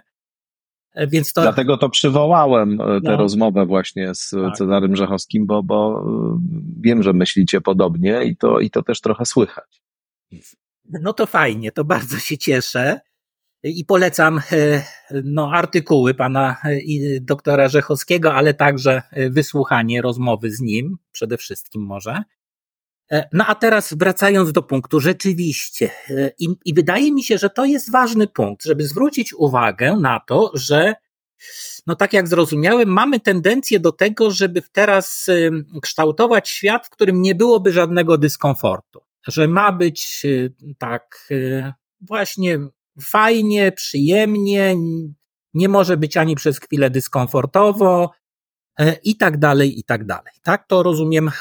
To, to jest teraz ten temat, do którego mógłbym się odnieść. Tak, no chodzi ogólnie o to, że e, i e, w obrębie kultury, i też często w tych obszarach, nazwijmy to szeroko, E, związanych ze zdrowiem psychicznym i w psychoterapii i w psychiatrii również, no istnieje taka tendencja do tego, żeby e, po pierwsze e, poszerzać to pole patologii, to znaczy, żeby kolejne aspekty formy, jakości doświadczenia klasyfikować jako podpadające pod taką czy inną kategorię diagnostyczną, no a tym samym oczywiście, żeby do, w cudzysłowie, radzenia sobie z nimi używać y, leków bądź psychotropowych.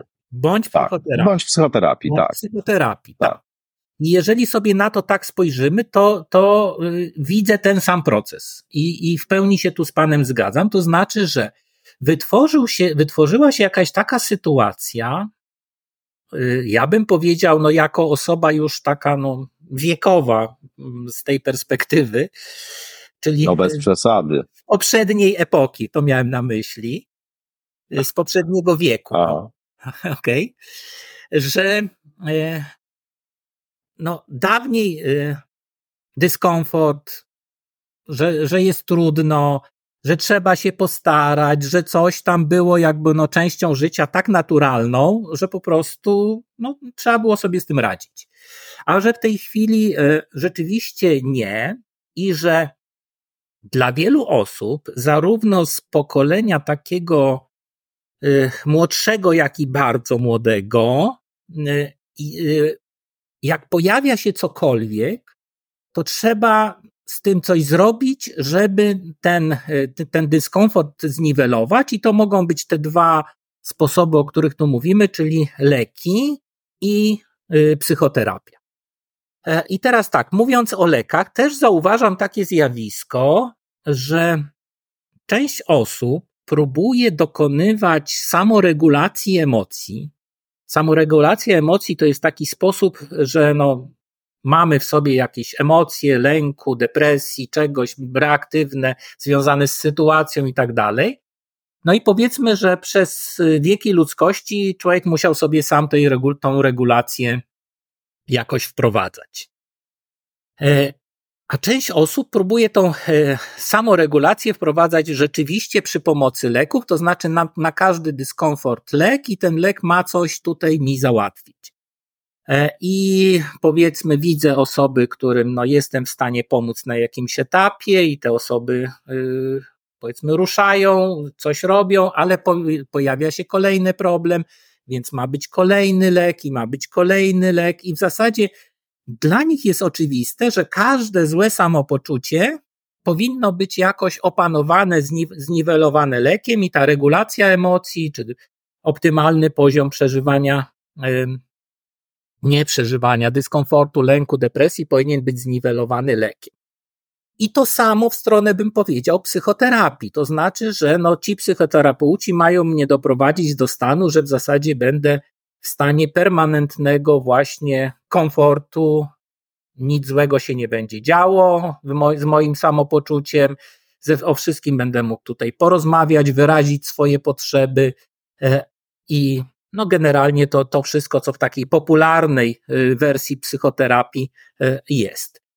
I, I to bym uznał, że rzeczywiście jest to proces wart głębokiego namysłu, że następuje zmiana następuje zmiana, powiedzmy, z trochę samoregulacji i z pewnej świadomości, że dyskomfort jest częścią życia i że pewne zadania są częścią życia, e, na to, że, że ktoś, ktoś coś, psychoterapia, leki mają mi to zniwelować, mam być w stanie permanentnie dobrym, prawda?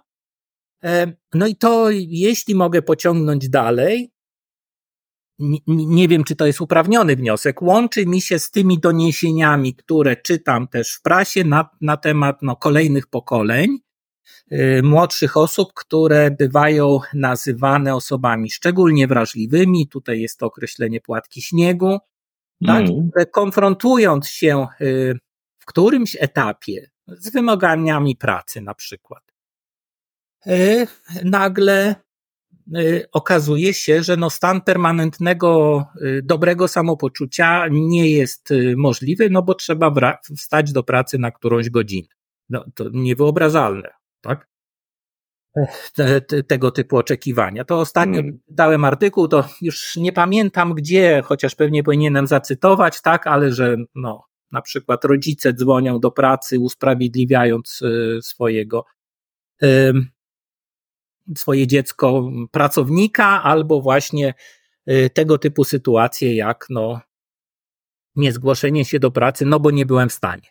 Tak? Bo, bo to powodowałoby dyskomfort. Więc ja bym tu widział y, jakiś rzeczywiście ważny proces na wielu poziomach. Indywidualnym, społecznym, no i takim no, rynkowym, to do czego y, na końcu nawiązałem. No ale istotą jest pewien pewien stan, no, próby wywołania stanu, w którym będzie permanentny komfort. Y, czy to przy pomocy leków, czy to przy pomocy y, psychoterapii. To, to taką na początek miałbym tutaj refleksję, a potem chętnie bym ją pociągnął dalej. Tak, tak, absolutnie. Ja właśnie między innymi do tego się y, odwoływałem. Tu jeszcze dodałbym taką presję związaną z funkcjonowaniem w warunkach e, konkurencji intensywnej, z takim naciskiem na efektywność, sprawność, siłę, sprawczość, e, radość, optymizm, zadowolenie i tak dalej, no to są takie e, sprawy, które dookoła obserwujemy, które mm, do nas płyną i z mediów społecznościowych, i nie tylko. Myślę, że media społecznościowe bardzo zintensyfikowały w ogóle tego typu zjawiska, ale w ogóle taka kultura późno kapitalistyczna e, w, w, tym, w tym takim indywidualistycznym, neoliberalnym e, języku zanurzona i jakoś tym językiem e, opisywana, no to ona rzeczywiście tego typu presję wytwarza i, i w takim świecie te środki i terapeutyczne, i leki różnego rodzaju, no mogą się stawać po prostu metodami na to, żeby na różne sposoby e, wytrzymywać w tym coraz bardziej brutalnym wyścigu, żeby się właśnie na różne sposoby jakoś wzmacniać e, i, i dawać radę, nawet tam, gdzie, gdzie rady dać się nie da, albo, albo tak jak w tym przykładzie, o którym Pan powiedział, e, niwelować jakieś dyskomforty, które powstają wskutek no bardzo, powiedziałbym, nierealistycznego obrazu tego, czym jest e, życie, rzeczywistość, e, funkcjonowanie w świecie, dojrzałość, dorastanie i tak dalej, to, to się na siebie e, nakłada, więc to, to, to, to były takie aspekty, o których. Mm. Mhm. Tak, jak myślę, że, że tu pan jeszcze właśnie dodał ten kolejny element, prawda? Tak. Z jednej strony brak dyskomfortu, a z drugiej strony sukces na miarę światową i najlepiej tak do 20 roku życia, bo później to już jest za późno. I, I ta presja na widoczność, na sukces, na zasięgi, na przeróżne tego typu rzeczy, które no, są dostępne dla niektórych osób, ale no, z definicji nie mogą być e, dostępne dla wszystkich. To znaczy, nie, nie może być tak, że wszyscy w danym pokoleniu będą e, mieli światową sławę, no bo wszyscy wszystkich musieliby wtedy znać. E, I, i, I robi się sytuacja, która jest rzeczywiście sytuacją niezwykle trudną dla młodych osób. I no tak jak słyszę tych starszych, no to oni mówią, i, i sam też tak oczywiście uważam, że y, no kiedyś było jednak prościej i że młodym przychodzi żyć w świecie y, szczególnie trudnym i takim właśnie z, z wymogami trudnymi do pogodzenia. Natomiast hmm, wracając do tego wątku, czyli pewnego rodzaju wytworzenia y, oczekiwania o, o stanie permanentnego no, braku dyskomfortu, to ja bym tu widział też rolę różnych przekazów medialnych pochodzących ze strony psychologów, psychoterapeutów, którzy, którzy moim zdaniem odegrali w tym procesie społecznym niebagatelną rolę. I tu znowu nie chciałbym mówić o powiedzmy takich twórcach psychoterapii czy twórcach kierunków, bo oni oczywiście mówili rzeczy e, no, mądre i głębokie.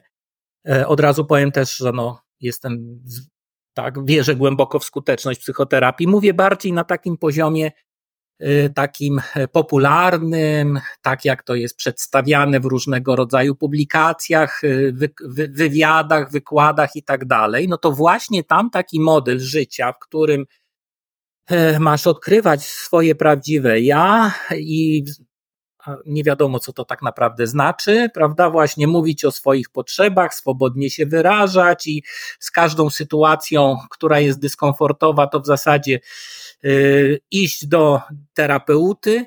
Ja myślę, że tutaj y, rola konsekwentnej pracy w mediach, licznych specjalistów z tej dziedziny, no daje niestety takie rezultaty, czyli wytworzenie tego typu oczekiwań. Ma być ci zawsze dobrze masz sobie zawsze tam właśnie w razie czego, w razie problemów wyrazić swoje potrzeby, zastanowić i tak dalej, i tak dalej. No i, no i, no i co? No i efekt jest taki, że osoby, które się z tym przekazem spotykają, robią to, no, uważają ten sposób za właściwy.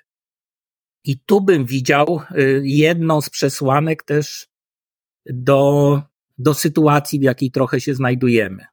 Drugim wątkiem jest ten przekaz no, późnego kapitalizmu, czy to, o czym Pan powiedział, czyli z kolei e, e, lajki, zasięgi, sukces i tak dalej, i tak dalej. No i tu, tu, tu bym widział e, też konieczność krytycznego zwrócenia uwagi na różne materiały, które się pojawiają właśnie w, w mediach ogólnych, społecznościowych, tych materiałów psychologicznych. Psia postać się odezwała. E, tutaj jak najbardziej psie postacie mile są widziane akustycznie i nie tylko w podcaście Skądinąd, także proszę pogłaskać e, psią postać od nas. Już jest, już jest głaskana w tej chwili. Tak, Dlatego ucichła. Dlatego... Tak, tak, tak, tak, tak. E, no tak, to, to rzeczywiście rozwiniemy zaraz ten wątek tej kultury terapeutycznej, no bo to po prostu E. chyba jest e, to zjawisko, które Pan e, opisuje.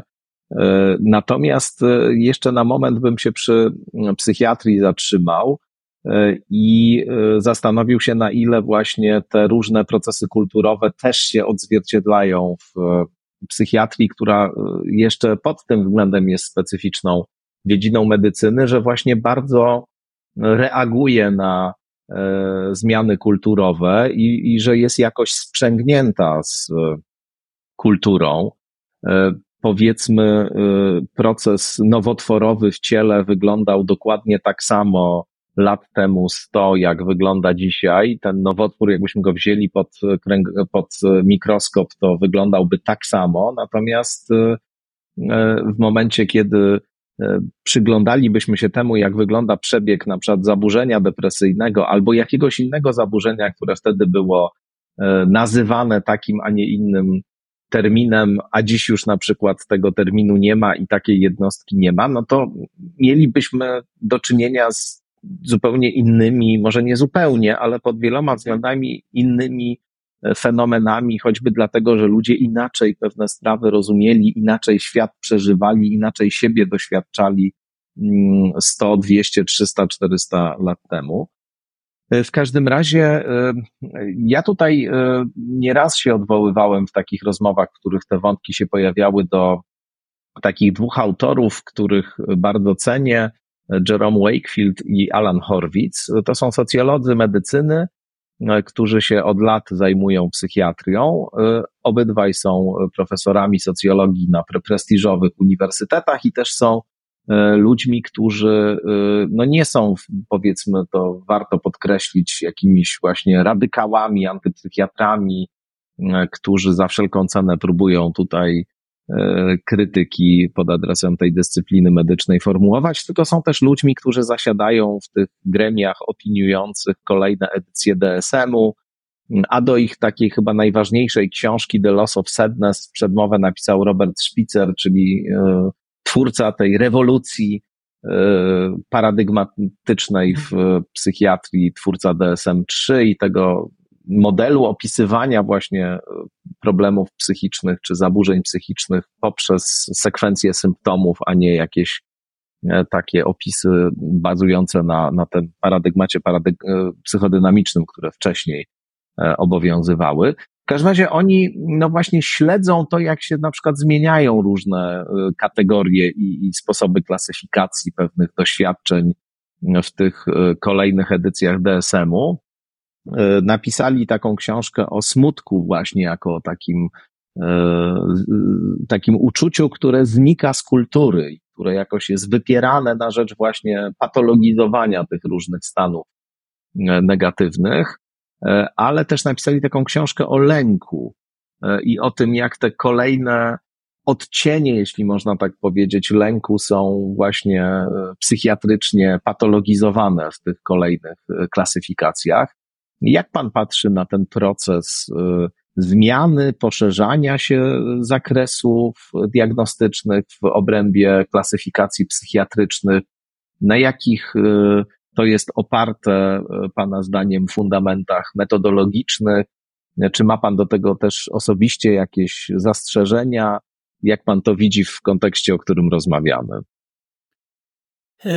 Ja się zgadzam z tym, że że ta psychi że psychiatria, no, zacznijmy od tego, że y, sposób wyrażania cierpienia się zmienia. To, o czym Pan powiedział, tak, takiej pewnej ewolucji, czyli wraz z tym, jak zmienia się społeczeństwo i zmienia się indywidualny sposób przeżywania, nadążając za tym, y, zmieniają się też dominujące problemy z którymi się e, mierzymy i tak no z dłuższej perspektywy to widzę, natomiast jeszcze z dłuższej, tak z lektur, prawda, e, no to możemy zauważyć, że e, kiedyś takim dominującym problemem była neurastenia. Kto dzisiaj choruje na neurastenię? Prawda? Potem czasy, powiedzmy, Freuda, Charcota, histeria, Potem kolejne etapy, zaburzeń osobowości z impulsywnością, tak? I, I jakby tak kolejno y, jako ludzkość pewnie przerabiamy różne sposoby wyrażania tego swojego cierpienia i ja myślę, że to jest mm, ciekawe w psychiatrii, że wraz z tym, jak zmieniają się warunki, w jakich żyjemy, rodzaj cierpienia, rodzaj jego wyrażania także się zmienia. Pewne rzeczy tracą na wartości, na wartości, na częstości. Tak, inne, inne y, są częste, czy często przyjmują taki dominujący charakter. W tej chwili bardzo dużo się mówi z kolei o zaburzeniach. O, już błąd zrobiłem o neuroróżnorodności, bardzo przepraszam za ten mój błąd, o neuroróżności, o ADHD, o spektrum autyzmu, traktowanych właśnie tak w kategoriach e, pewnej trajektorii rozwojowej. I teraz, y, te, ten, ten rodzaj problemu staje się takim dominującym. Przychodzą y, pacjenci i o tym mówią, że wyczytali i prawdopodobnie y, właśnie cierpią na którejś z tych y, zaburzeń albo na y, oba. Więc to jest ciekawe. Co do rozszerzenia, tu nie mam jakiejś wyraźnej, wyraźnej myśli. Wydaje mi się, że tak, że ci pacjenci, którzy do mnie przychodzą... Ja może podam, może podam panu no. przykład z tej książki Horwica i Wakefielda. No. To jest książka z roku 2010 jeszcze jest sprzed piątej edycji DSM-u, gdzie znika ten wyjątek niepowikłanej żałoby, a w dużym stopniu jakby to, o czym oni piszą, jakoś tam się z tym wiąże. Zresztą obydwaj byli bardzo krytycznie nastawieni do tego wyjęcia wyjątku niepowikłanej żałoby z DSM-u 5, bo w książce wnioskowali niejako o coś przeciwnego, to znaczy oprócz oczywiście różnych analiz związanych tam z poszerzaniem się tych zakresów diagnozowania różnych stanów jako stany depresyjne. Ich jakaś ostrożna teza jest taka, że przynajmniej częściowo ta, mm, to zjawisko epidemii depresji, które dzisiaj obserwujemy, wiąże się po prostu z poszerzeniem też zakresu diagnostycznego tego pojęcia depresji, ale e, tam argumentacja tak wygląda. Oni powiadają, no, jeżeli e, e, mamy ten wyjątek niepowikłanej żałoby, który mm, stosuje się do takich stanów, które e, mają, jeśli chodzi o e, zestaw symptomów, e, ten sam obraz, co epizod depresyjny, ale związane są z reakcją na śmierć kogoś bliskiego. No i mamy na poziomie tych narzędzi pojęciowych, narzędzi rozumienia, już nawet abstrahując od tego, czy się tam stosuje leki, czy się nie stosuje, no bo czasami po prostu to cierpienie jest tak dotkliwe, że że jak najbardziej się stosuje po to, żeby człowiek się jakoś mógł przez ten czas najbardziej dotkliwy żałoby, e, no żeby mógł przez to przejść. Ale e, jeżeli mamy coś takiego, ten, to pojęcie, które pozwala widzieć jako normę coś, co obrazem symptomowym jest, po, dokładnie pokrywa się z tym obrazem zaburzenia depresyjnego, i e, jeśli się rozejrzymy dookoła po różnych badaniach e, innych, to zobaczymy, że taki obraz e, symptomów, właśnie dokładnie jak w przypadku reakcji na śmierć kogoś bliskiego i w przypadku epizodu depresyjnego, mamy także w dwóch innych sytuacjach życiowych, mianowicie rozwód, czy też rozstanie z partnerem czy partnerką oraz e, utrata pracy. No i oni tam przy, przytaczają bardzo wiele takich e, badań, które pokazują, że e, ludzie, którzy przechodzą przez rozwód, albo rozstają się z partnerem, partnerką, albo którzy na przykład właśnie tracą pracę, mają dokładnie przez pewien czas ten sam zestaw symptomów, które mają osoby tracące kogoś bliskiego i osoby, które mają zaburzenie depresyjne. Przy czym w przypadku żałoby i e, utraty pracy i, e, i e, rozwodu, jeśli nie przechodzi to w stan depresyjny, no to po pewnym czasie po prostu te objawy mijają. No i oni powiadają, jeśli tak jest rzeczywiście, a te badania tak pokazują, no to powinniśmy mieć jeszcze dwa wyjątki dodatkowe. O, poza wyjątkiem dotyczącym żałoby niepowikłanej, jeszcze taki wyjątek dotyczący rozwodu i wyjątek dotyczący utraty pracy, no bo to są analogiczne doświadczenia, po prostu związane z tym, że człowiek w sytuacji takiej straty przeżywa intensywny stres, y, ma te wszystkie objawy, ale to jest po prostu część życia.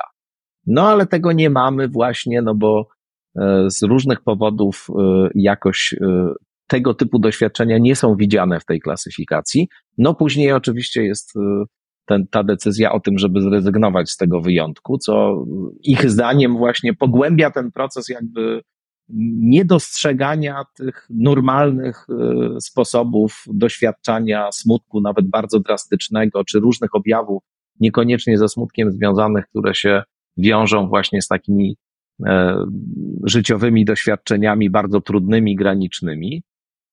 No i to jest ich zdaniem pewien grzech tej, tej współczesnej psychiatrii. Jak powiedziałem, tam Robert Szpicer napisał e, do tego przedmowę i on się w zasadzie jakby zgadza z tym, co oni tam, co oni tam piszą.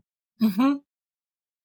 Ja myślę, że to jest bardzo, bardzo fajny punkt, bo tak, bo pod, pod względem y, klasyfikacji, która jest, no wyjaśnijmy, pewnym menu takim psychiatrycznym, to znaczy, że przychodzi osoba z depresją i moim zadaniem jako psychiatry jest umieszczenie objawów, relacji tej, tej osoby w obrębie tej klasyfikacji no, dopasowania. No i wtedy e, myślimy tymi właśnie wyjątkami, o których Pan tutaj powiedział, czyli wyło kryteria wyłączające. Nie jest tym zaburzeniem, jeżeli e, jest taka i taka sytuacja. Natomiast ja bym powiedział, że, że sobie myślę o tym trochę w inny sposób. Ale to bardziej jako klinicysta. Ja nigdy nie uczestniczyłem w tworzeniu klasyfikacji psychiatrycznej, więc pod, pod względem klinicznym, pod względem praktyki, to jest dokładnie tak, jak pan powiedział. Czyli tylko, że ja nie myślę o tym jako o wyjątkach, tylko myślę jako o kontekstach. Czyli, że w mm. określonych kontekstach pojawiają się takie właśnie objawy, które mógłbym zakwalifikować jako objawy depresyjne. Czyli e, smutek, e, nic nie cieszy, nie interesuje, e, prawda, obniżenie napędu do działania, często rozdrażnienie, zaburzenia snu i tak dalej. I takie objawy występują właśnie w kontekście czy żałoby, czy utraty pracy, czy szerzej bym powiedział, wartości pewnej swojej pozycji, jakiejś sytuacji takiej, która była dla danej osoby no, ważna albo jakoś utrzymywała ją na powierzchni y, dobrego samopoczucia, czy y, właśnie po rozstaniu.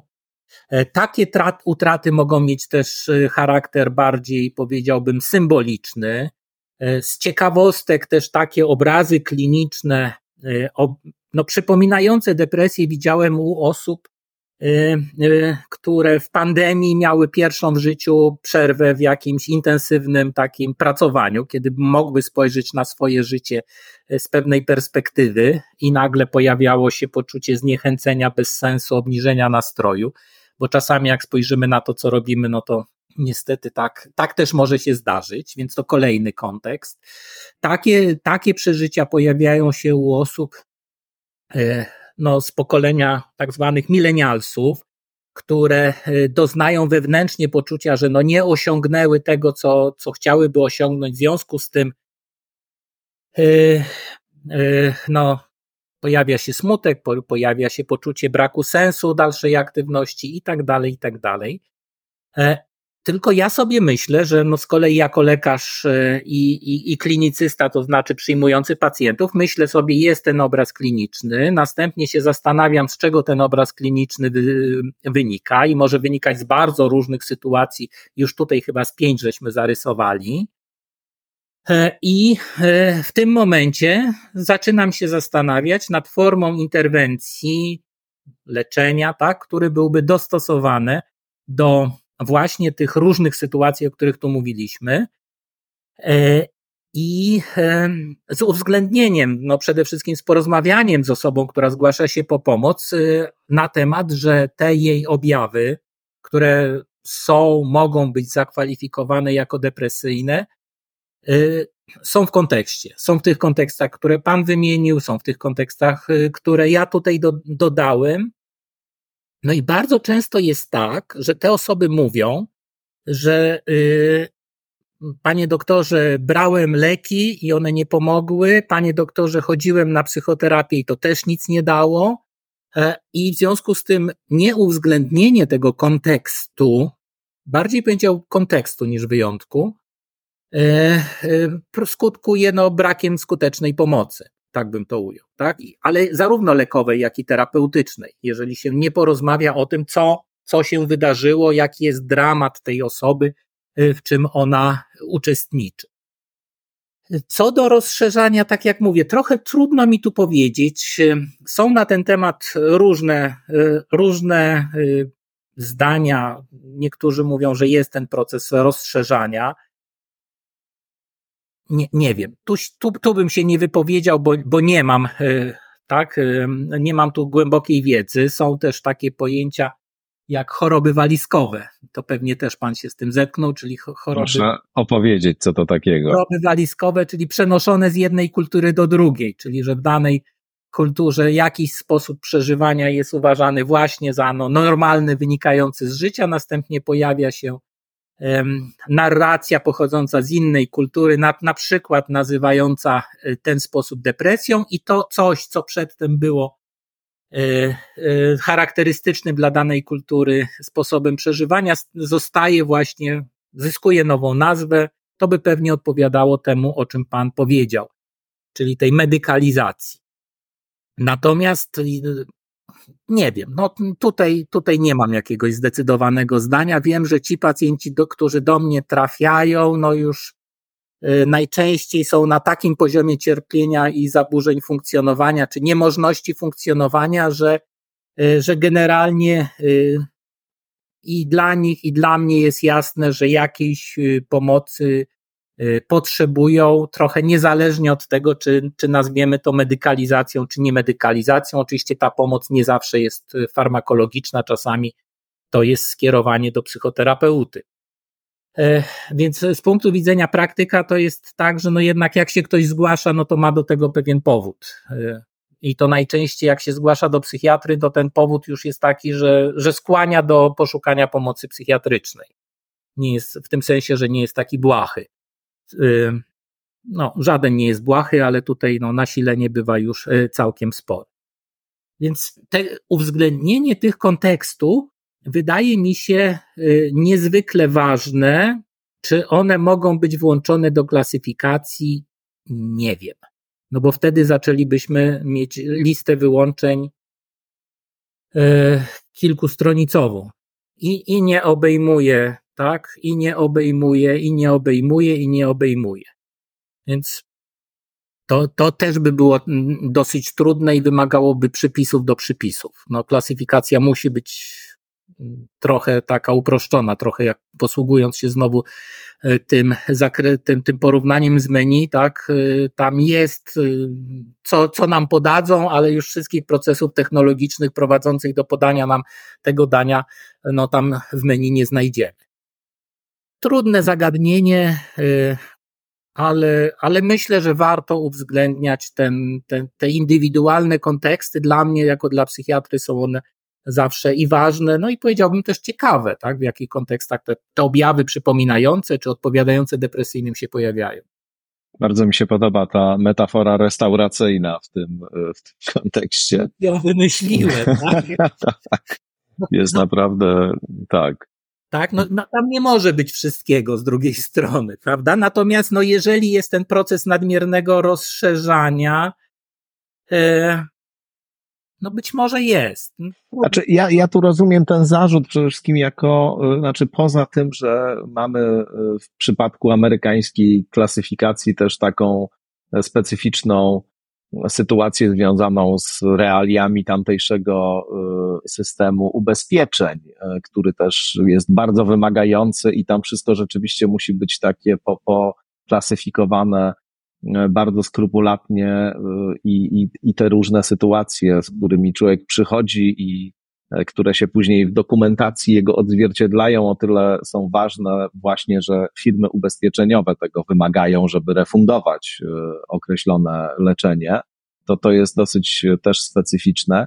Natomiast ja rozumiem te, te, te kwestie, o których rozmawiamy, poza ich jakby takim sensem, powiedzmy, pragmatycznym i, i tym, że one mają tam jakieś przełożenie na, powiedzmy, procesy kulturowe i tak dalej, ale przede wszystkim w takim wymiarze symbolicznym. To znaczy, że że te wyjątki, czy te mm, właśnie y, wyraźne definicje tego, co nie jest z kolei y, klasyfikowane jako zaburzenie, a y, ma powiedzmy pewien obraz symptomowy analogiczny do tego, co w zaburzeniu występuje, no rozumiem to jako takie właśnie mm, symboliczne powiedzenie, E, oto istnieją takie wymiary ludzkiego doświadczenia, życia, egzystencji, które niosą w sobie cierpienie, trudność, e, bywają często też e, paraliżujące, obezwładniające, wiążące się z intensywnym cierpieniem, ale nie są chorobą, nie są zaburzeniem, są po prostu reakcją na jakieś sytuacje, w których człowiek może się znaleźć, takie, e, taki jest ludzki los. O. Tak jest, ale ten ludzki los y, też się zamienia. No tu powiedzmy, no nie są zaburzeniem.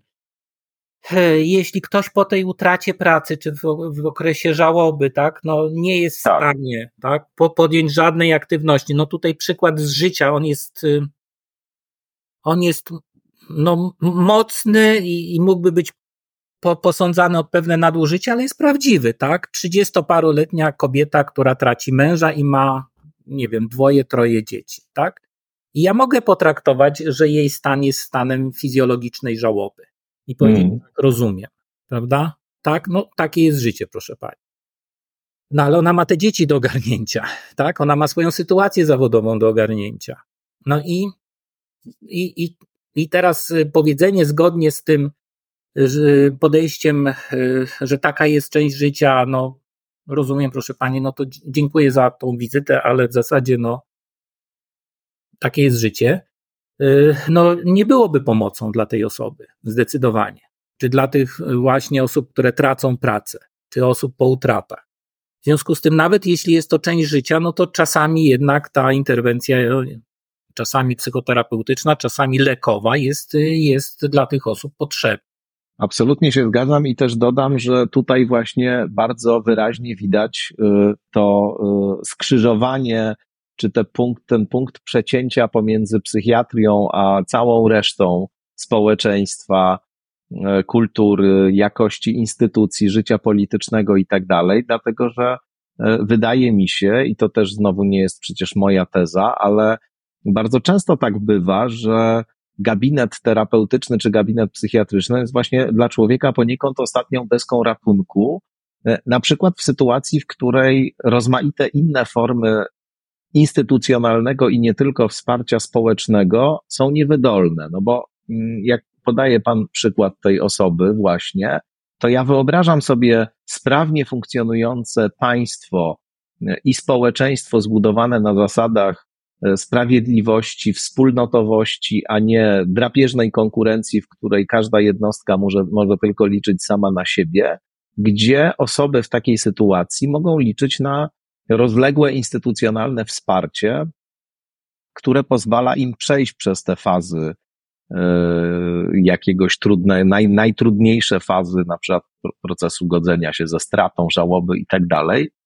E, I e, no nie jest to sytuacja, w której ktoś musi natychmiast udawać się po, po pomoc do, do lekarza, no bo tę pomoc dostaje skądinąd. Natomiast bardzo często dzisiaj tak jest właśnie, że nie ma skąd tej pomocy dostać i, i człowiek jest jakoś sam na siebie zdany, często te, te różne trudne y, doświadczenia są dla niego przygniatające, rozbijające, no i często po prostu w tym sensie lekarz psychiatra no po prostu ratuje życie, mimo że może właśnie w ramach tych wszystkich dyskusji y, roz, rozwiniętych, filozoficznych i tak dalej, niekoniecznie każdy przypadek byłby wpisywalny w taką czy nie inną kategorię diagnostyczną.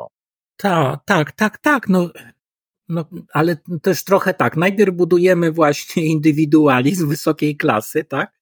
I przekazujemy y, społecznie informację, że no, twój rozwój, samorozwój, ty się liczysz, sukces i tak dalej, tak? A potem y, przechodzimy do etapów, o którym pan mówi, że nie ma y, pewnej wspólnotowości, bo wyobrażam sobie, że taka osoba w czymś no, umownym może bardziej, czyli pierwotnej wiosce, uzyskałaby właśnie wsparcie y, społeczne ze strony całej społeczności, w której zamieszkuje. Tak, gdyby ten małżonek zginął na, y, y, na polowaniu, chociaż oczywiście tego nie wiem, no bo, bo w takiej społeczności nigdy nie żyłem. E, ale budujemy właśnie te struktury indywidualistyczne, radź sobie sam, tak, twój los zależy od ciebie, no i potem niestety czasami e, to się materializuje w bardzo takiej no, namacalnej i, i, i dramatycznej e, formie. I jeszcze bym wrócił do tego, o czym pan powiedział a propos amerykańskiej psychiatrii, bo tu rzeczywiście może być tak, że my się Często odwołujemy do, do amerykańskiej psychiatrii. Ja Spicera nie znałem, ale w tym zespole, y, który zrobił tą rewolucję w psychiatrii, czyli DSM III, była także profesor Nancy Andreasen, jedna z najwybitniejszych biologicznych badaczek mózgu, którą miałem okazję poznać, rozmawiać, e, nawet opublikować sprawozdanie z jej wystąpienia w Polsce. I ona mówi o tym, że e, oni chcieli zrobić rewolucję, taką rewolucję, która miała właśnie zobiektywizować te kryteria diagnostyczne zaburzeń psychicznych, bo przedtem one były totalnie rozmyte i pacjent trafiający w, w jednym kraju, to były Stany Zjednoczone, Wielka Brytania, w każdym razie w jednym z tych krajów miał ten sam pacjent z tymi samymi objawami miał szansę uzyskać e, rozpoznanie schizofrenii, a w innym kraju te same objawy choroby dwubiegunowej i w ogóle to szansa była 50 do 50 na diagnozę. E, oni wprowadzili, e, to był chyba rok 1980, i o ile pamiętam, właśnie diagnozę taką na podstawie punktów. I profesor Andreasen, która jest współautorką tej rewolucji, mówi: Jestem tym przerażona. To nie tak miało wyglądać. Mm. Kryteria miały służyć jako taki wyznacznik minimum diagnostycznego, że musi być to i to, żeby myśleć, że jest to depresja, schizofrenia czy zaburzenie dwubiegunowe. A z czasem, no ona mówi znowu o psychiatrii amerykańskiej, stało się tak, że stały się jedynym wyznacznikiem diagnozy, czyli nie kryterium minimalnym, tylko całościowym. I że y, psychiatrzy amerykańscy przestali y, no, odnosić się, rozumieć, widzieć istotę danego zaburzenia, istotę schizofrenii, depresji, cokolwiek byśmy tu wymienili, tylko po prostu nauczenie się punkciku i to pozwala na y, postawienie diagnozy. E, no i tak jak mówię, e, w, w, tym sprawozdaniu e, z wywiadu pani profesor i w jej publikacjach jest to wyraźnie widoczne. I jesteśmy przerażeni rewolucją, którą wy, wymyśliliśmy. Miała ona posłużyć temu, żeby diagnozy były bardziej wiarygodne, a zamieniła się w takie no, odkreślanie punktów, żeby postawić daną, daną diagnozę bez rozumienia całej zwinności tej diagnozy i bez rozumienia jakby istoty klinicznej. No i to odnosi się do psychiatrii amerykańskiej. Ja nie wiem, wydaje mi się, że do Y, polskiej, przynajmniej w tym wydaniu, której, y, które ja znam z tego mojego pokolenia psychiatrów, niekoniecznie, czyli że tutaj nadal ta, ten właśnie kontekst, procesy psychospołeczne nadal przez polskich psychiatrów bardziej są uwzględniane. Może też dlatego, że żyjemy tutaj w tej samej kulturze i widzimy te, te rzeczy, na, a w wielu krajach psychiatrzy to jednak są osoby z innych kultur, napływowe, Y, które no, posługują się y, kodyfikacją klasyfikacji, tym co jest w punktach, no także z obiektywnych względów, że trudniej im uwzględnić kontekst kulturowy, bo w tej kulturze się nie wychowywały, a my tutaj jednak w większości znamy tło kulturowe zaburzeń i, i, i warunków życia, w jakich żyjemy. No to bardzo ciekawa obserwacja. Hmm. Także te, te, to, to posługiwanie się amerykańską krytyką E, może być dla mnie może o tyle ważne, żebyśmy no nie poszli w tą stronę. O, tak bym powiedział. Tak, czyli żeby, żeby uniknąć, e, uniknąć uproszczonego rozumienia zaburzeń psychicznych. I tu znowu, żeby już być blisko depresji, w klasyfikacji psychiatrycznej jest tak, że e, na pierwszej stronie klasyfikacji ona ma kod ICD-10 jest wyliczone objawy depresyjne w punktach, ale jak się przewróci drugą, na drugą y, stronę tej samej kartki, o, to tam jest napisane, depresja wykazuje dużą zmienność indywidualną i jest wyliczony cały szereg różnych innych objawów, które też y, pozwalają na wiarygodne postawienie objawów depresji, ale nie odpowiadają tym ściśle kilku punktom, które są y, tymi tak zwanymi zoperacjonalizowanymi y, kryteriami. W związku z tym no jest y, pamięć, czy, y, czy taka, taka opcja, tak, pamiętania o tym, jak, jak różnorodne są zaburzenia i ich obraz kliniczny i że trzeba się skoncentrować na tym, jaka jest istota danego zaburzenia, a niekoniecznie tylko właśnie na wypełnianiu y, kolejnych punktów, odkreślania. A gdzie w tym wszystkim są te ptaki, proszę powiedzieć? Zapowiadałem, że się tymi ptakami w pańskiej praktyce terapeutycznej, ale i w pańskim życiu y, zajmiemy. To jest w ogóle niezwykle ciekawy wątek i y, no taki już y, ukonkretniony w publikacjach. To nie jest tak, że pan się tym tylko zajmuje hobbystycznie, ale i ma Pan na koncie publikacje dotyczące terapeutycznej funkcji obserwowania ptaków. Przyznam, że jak pierwszy raz o tym usłyszałem, to od razu mnie to jakoś strasznie zainteresowało, bo brzmi bardzo nietypowo i, i, i intrygująco. Jak się te ptaki pojawiły, proszę powiedzieć? One się, y, znaczy ptaki były od zawsze, bo to pewnie dinozaury, które Tak, tak, ja pytam, ja pytam o to nie jak w ogóle ptaki na świecie się pojawiły, tylko tak, jak tak, one tak. do Pana przyleciały. O, one do mnie przyleciały, mm, głównie przyleciały do mnie w pandemii przez okno, można powiedzieć, znaczy nie wleciały przez okno, tylko obserwacje. Mam o. na myśli to, że Mm, zakres psychiatrii się rozszerza, tak? To ja już troszkę mówiłem o tym, że częsta krytyka psychiatrii dotyczy tego obrazu psychiatrii z okresów poprzednich.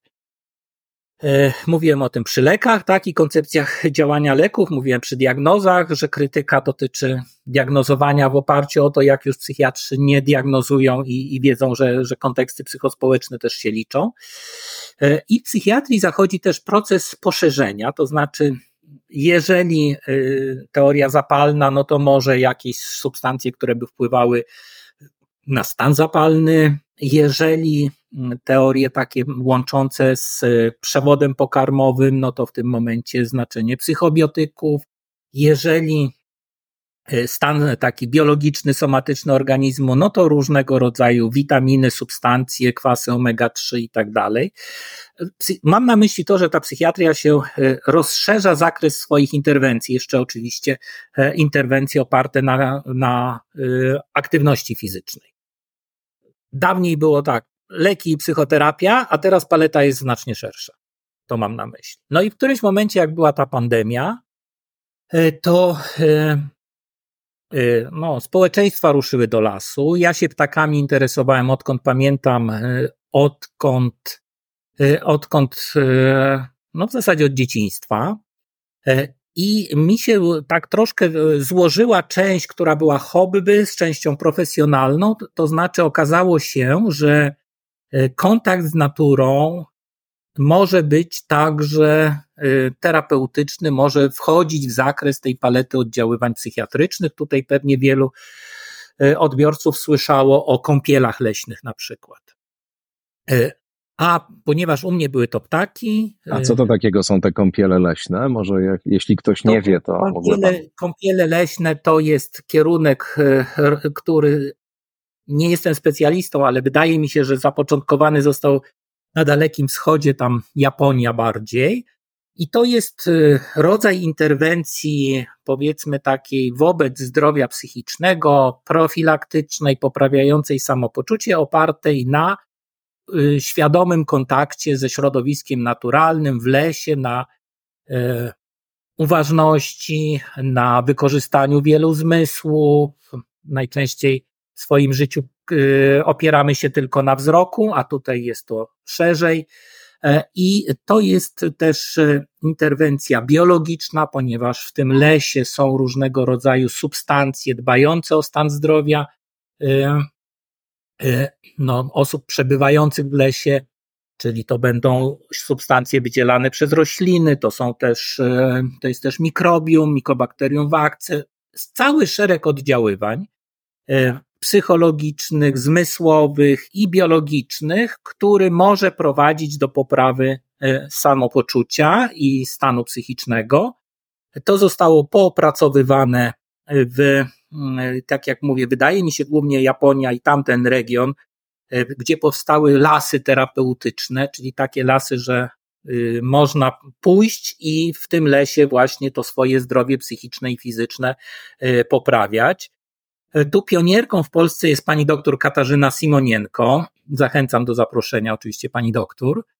E, która napisała na ten temat trzy znakomite książki, i takie popularne, i takie bardziej stanowiące przegląd badań. I z panią doktor też miałem zaszczyt i przyjemność e, współpracować. No i to jest jeden z kierunków właśnie oddziaływania na zdrowie psychiczne poprzez kontakt z naturą, tak jak powiedziałem, taki wielo, wielokierunkowy ten, ten kontakt jest. To jest nie tylko doznania, powiedzmy, takie no, psychologiczne, tylko zgodnie z tym, co mówiłem, też także do, jak najbardziej oddziaływania y, natury biologicznej, mogące służyć poprawie zdrowia, y, lepszej odporności. Y, tam te badania japońskie wskazują, że komórki odpornościowe po takim kontakcie no, wzmagają swoją działalność, więc to może być też ważne. Y, no właśnie, w sytuacji jakiegoś zagrożenia chorobami. Być może nie przypadkiem, instynktownie we wszystkich aglomeracjach miejskich na całym świecie ludzie w okresie pandemii ruszyli do lasów. E, żeby tego zdrowia poszukać, czy odpoczynku pewnie na poziomie psychologicznym, ale także e, właśnie pewnie mogła być to biologiczna interwencja, e, czy samointerwencja poprawiająca odporność na zakażenia. Więc fajnie.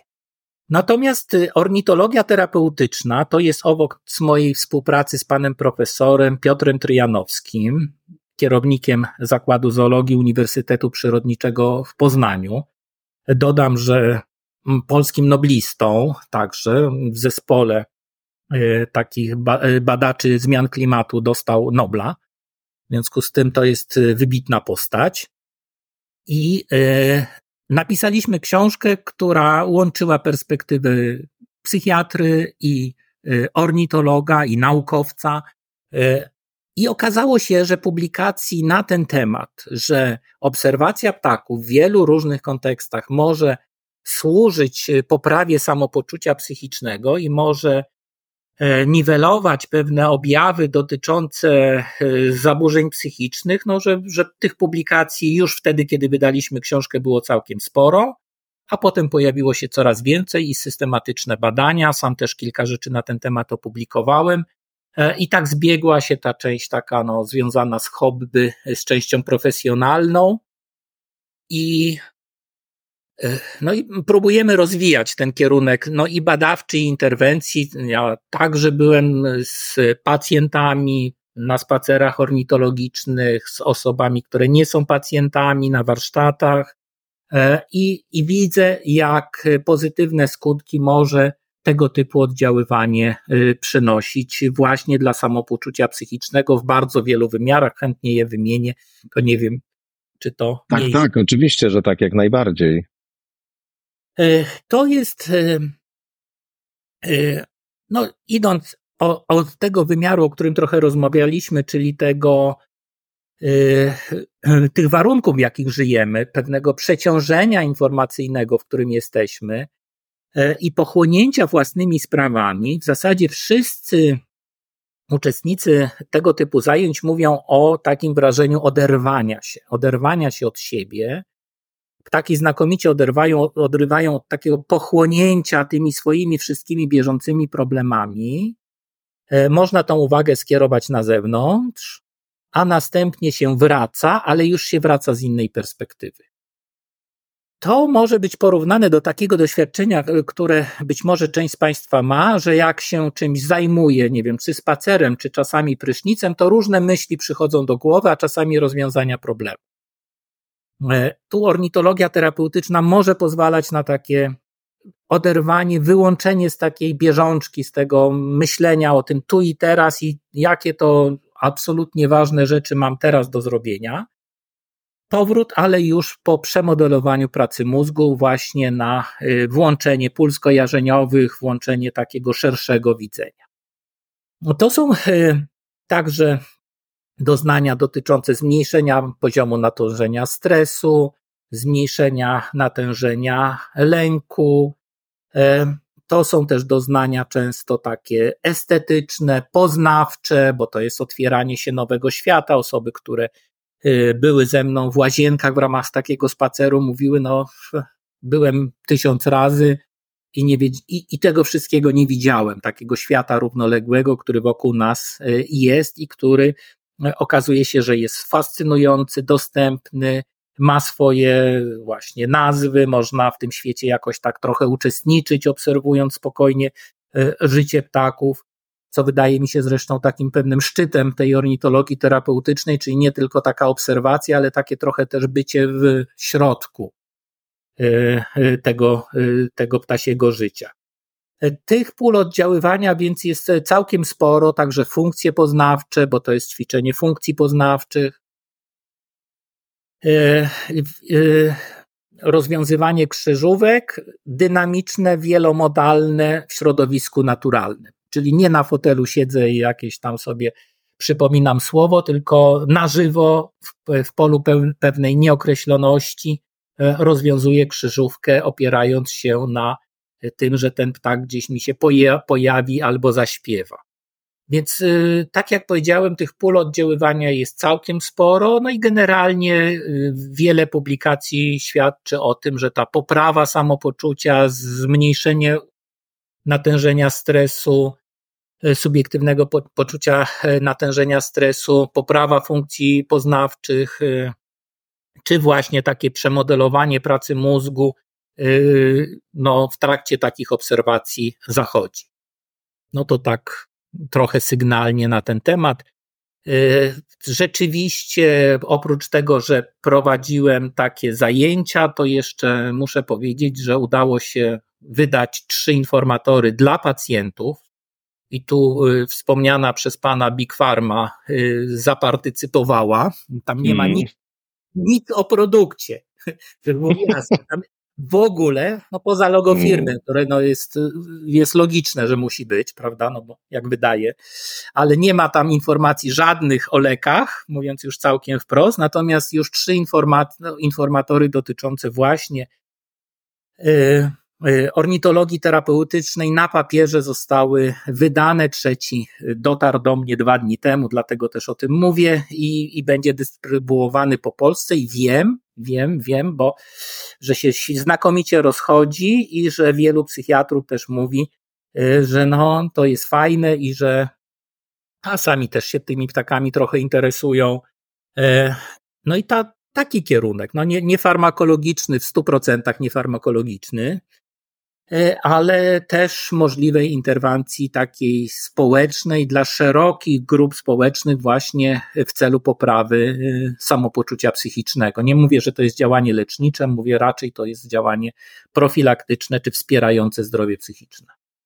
No, to jest właśnie e, bardzo ciekawe, jak rozległa jest ta dziedzina i jak już wiele tutaj się udało E, publikacji na ten temat stworzyć, to, to naprawdę jest imponujące i bardzo ciekawe przy, przy okazji, ale też myślę, że właśnie to jest bardzo dobry temat na końcówkę naszej rozmowy, bo on zbiera pewne wątki z e, tego, o czym mówiliśmy.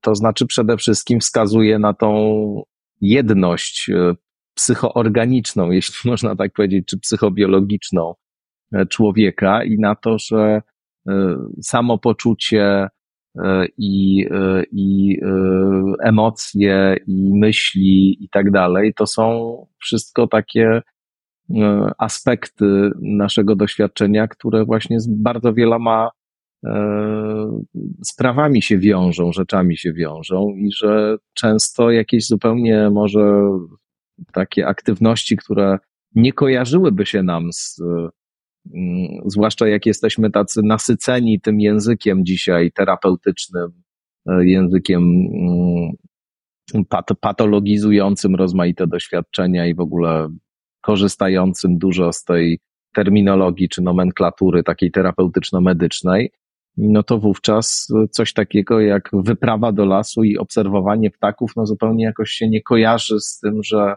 może to również bardzo korzystnie wpływać na to, co się z nami dzieje, a tutaj proszę bardzo, no to, to jest coś takiego, co, co można zoperacjonalizować również, nie tylko jako miłą anegdotę opowiedzieć, ale także zoperacjonalizować jako rzeczywiście działającą aktywność, sprzyjającą. Tak jest. Jest książka Ptakoterapia Joe Harkness. Ona jest dostępna w języku polskim. E, I to jest książka z doświadczenia osoby, która do, doznawała depresji, natręctw, lęków i która mówi, mi to pomogło. I ja też jeżdżąc z wykładami na temat ornitologii terapeutycznej, co jakiś czas spotykam osobę, która mówi, podchodzi do mnie po wykładzie, mówi, panie doktorze, ma pan rację, mi ptaki uratowały życie. W pandemii, czy nie w pandemii, ale taka relacja, po prostu krótka, mi ptaki uratowały życie. Skupienie się na kontakcie z ptakami y, na tyle zmieniło, że w jakiejś bardzo trudnej sytuacji, no, mogłem, mogłem, mogłam przeżyć.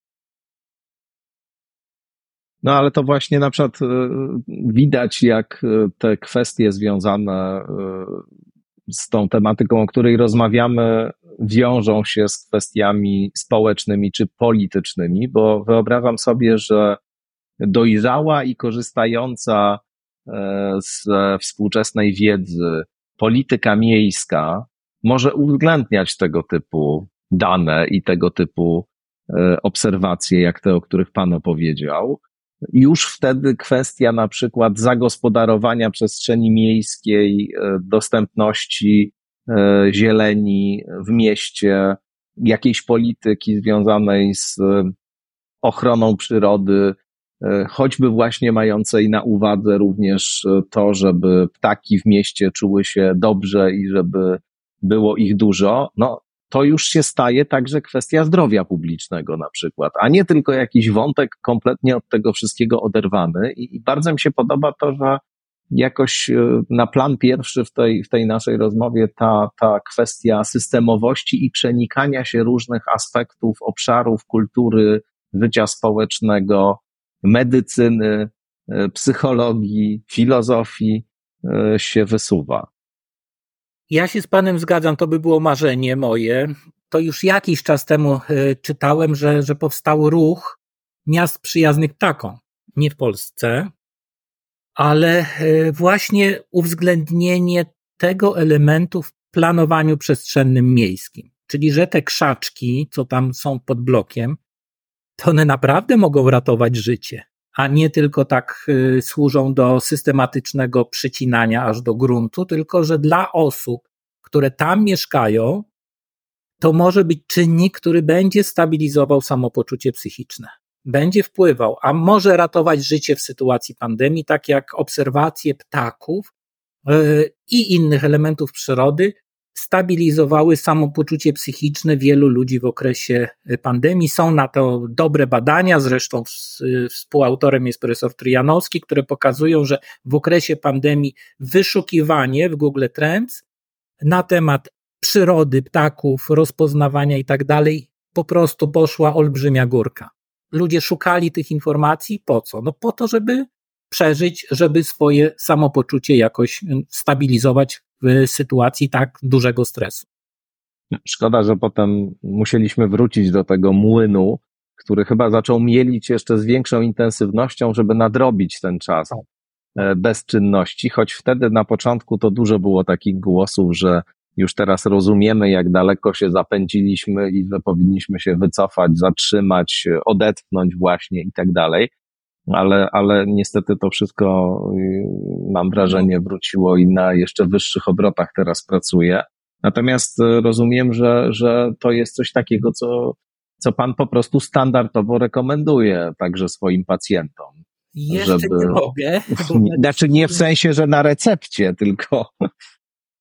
Y, jeszcze nie mogę, bo no, musiałoby się gdzieś pojawić tak więcej badań no. w zaleceniach, ale koncepcja zielonych recept, które propaguje pani doktor Katarzyna Simonienko, o której mówiłem, już jest i, i to jest do znalezienia, bo to jest y, też zapożyczone z krajów, w których zielone recepty już funkcjonują. Czyli, że Lekarz może powiedzieć, proszę bardzo, tu jest taki i taki las, proszę się tam udać, wykonać te zadania, które tam pewnie będą opisane na tablicach informacyjnych i to, e, to poprawi pana, pani samopoczucie psychiczne. Także zielone recepty mam nadzieję przed nami.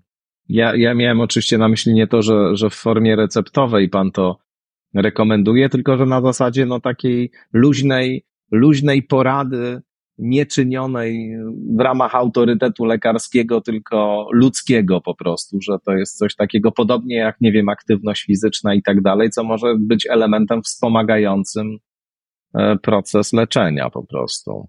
Ta, to na pewno, ale proszę sobie wyobrazić tych krytyków psychiatrii, o których mówiliśmy wcześniej.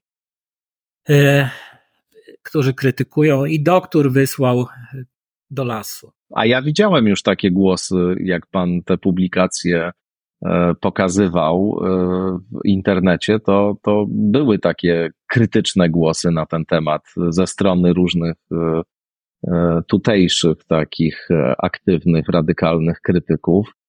Mm, I, I rzeczywiście tam się wyzłośliwiali pod, pod tym adresem. No i, i dobrze. Tylko teraz, co ten psychiatra, tak już kończą, kończymy, rozumiem, więc co ten psychiatra ma zrobić? Leki źle. Przyroda źle. Tak? Na psychologii się nie zna. To ja? Jak, usprawiedliwić, jak usprawiedliwić swoje bycie w tym trudnym świecie, gdzie właśnie ka każda aktywność zostanie skrytykowana? No to już e, zupełnie ostatnie wobec tego pytanie, na, na podsumowanie trochę, ale ten wątek jest akurat dosyć interesujący. Jak pan myśli, dlaczego akurat właśnie e, teraz e, mamy do czynienia z taką aktywizacją tej krytyki wymierzonej w psychiatrię? Czy, czy to jest kwestia rozczarowania, że, że może gdzieś pod spodem było oczekiwanie, że psychiatria nam wszystkie problemy rozwiąże i właśnie nas do takiego szczęśliwego świata przeniesie, a się okazuje, że ona nie jest w stanie tego zrobić? Czy to jest jakaś kumulacja różnych pretensji, rozczarowań, mhm. na przykład związanych z jakimiś, e, no, takimi kartami z historii psychiatrii, gdzie ona e, nie do końca jakby się w ramach e, tego, czego byśmy od niej oczekiwali, zachowywała? Czy, czy o, o co tu może jeszcze chodzić? Bo rzeczywiście wydaje mi się, że ten, e, ten moment e, jest teraz specyficzny, że te różne głosy krytyczne bardzo wybrzmiewają. Oczywiście one się spotykają z odpowiedzią e, i, i to nie jest tak, że to jest głos powiedzmy jakoś bardzo dominujący, ale no, ja sobie przypominam, jak w 2013 roku wyszła moja pierwsza książka Potyczki z Freudem, która akurat jest w kierunku kultury terapeutycznej właśnie, o której też rozmawialiśmy, krytycznie skierowana no to to temat był zupełnie jeszcze egzotyczny w Polsce, prawie nikt się tym nie, nie zajmował. Książka się nie najgorzej sprzedała, ale e, no była jedną właściwie chyba, chyba pierwszą książką taką popularną w każdym razie, która o tym temacie kultury terapeutycznej traktuje. Dzisiaj to jest rzeczywiście temat, który powraca na różne sposoby, jest obrabiany medialnie. No ale jeśli chodzi o krytykę psychiatrii, to też mamy taki moment intensywny. Z czego to wynika, pan, pana zdaniem? Ostatnie pytanie. Ostatnie pytanie, ostatnia odpowiedź. No ja byłbym bliżej odpowiedzi na temat frustracji niektórych osób i ja bym powiedział trochę może tracenia wpływu. Mhm. Ja pamiętam tą dyskusję po właśnie publikacji Moncrief i potem po publikacji jeszcze naszych lokalnych i no, analizowałem też, no, analizowałem zawodowo jako rzecznik Polskiego Towarzystwa Psychiatrycznego i ja nie widziałem krytyki ze strony pacjentów. Mhm. Bardzo dużo osób korzysta z pomocy psychiatrycznej, przynajmniej w dużych miastach. E, I oni mają już zetknięcie z realnymi psychiatrami. Ja też tych psychiatrów znam. No i jak mówię, no to są generalnie mili ludzie, którzy starają się być pomocni, a nie demoniczne albo jakieś inne figury. No. Natomiast ta krytyka pochodzi, moim zdaniem, z no, środowiska, powiedzmy, osób, trochę sfrustrowanych. Ja tu powiem, że z wieloma argumentami się też zgadzam. To nie chodzi o to, że, że odrzucam te argumenty. E, albo ze środowiska osób e, związanych no, z psychologią, już nazywając rzecz po imieniu. Tu zwłaszcza mamy jednego takiego e, bardzo zdecydowanego krytyka. I, ale nie ze strony pacjentów. No. To bym, tak? Czy bardzo rzadko ze strony pacjentów, a bardzo rzadko ze strony tych osób, które z pomocy psychiatrycznej korzystają, bo y, ta pomoc może przynieść ulgę, może nie przynieść, mogą być działania niepożądane albo coś, natomiast no, generalnie to, co się w dyskusjach podnosi, jako argumenty no, nie przystaje do, do doświadczeń realnych pacjentów. Czyli ta krytyka jest na innym poziomie niż na takim poziomie realnego doświadczenia y, osób, które y, leczymy. E, więc ja bym widział osobiste uprzedzenia, frustracje, e, jako przyczynek do przynajmniej części z tych e, reakcji, co nie zamyka drogi do takiej rzeczowej dyskusji, jak my też mieliśmy tutaj, prawda, czy, czy do tej dyskusji na temat rozszerzania kryteriów, czy dyskusji na temat tego, czy leki nie zaczynają służyć jako regulatory emocji w każdej sytuacji, a nie tylko w tych sytuacjach, które są tak bardziej medycznie uzasadnione. To są fajne pola dyskusji, o nich powinniśmy rozmawiać. Ale, ale no te, często te, te, te głosy krytyki mi się wydają takie no, trochę z, z innego świata i z innego okresu. Bardzo dziękuję za tą rozmowę. Doktor Sławomir Murawiec gościł w podcaście Skądinąd. Mam nadzieję, że nie po raz ostatni. Serdecznie dziękuję za to spotkanie. Ja bardzo dziękuję za zaproszenie. Jeśli tylko byłaby okazja jeszcze o tej kulturze terapeutycznej, to. to Pewnie. Proszę o telefon. Oczywiście, oczywiście jesteśmy umówieni. Będziemy kontynuować ten temat. Państwu też bardzo dziękuję za to, że byliście z nami. No i do usłyszenia w kolejnych odsłonach skąd.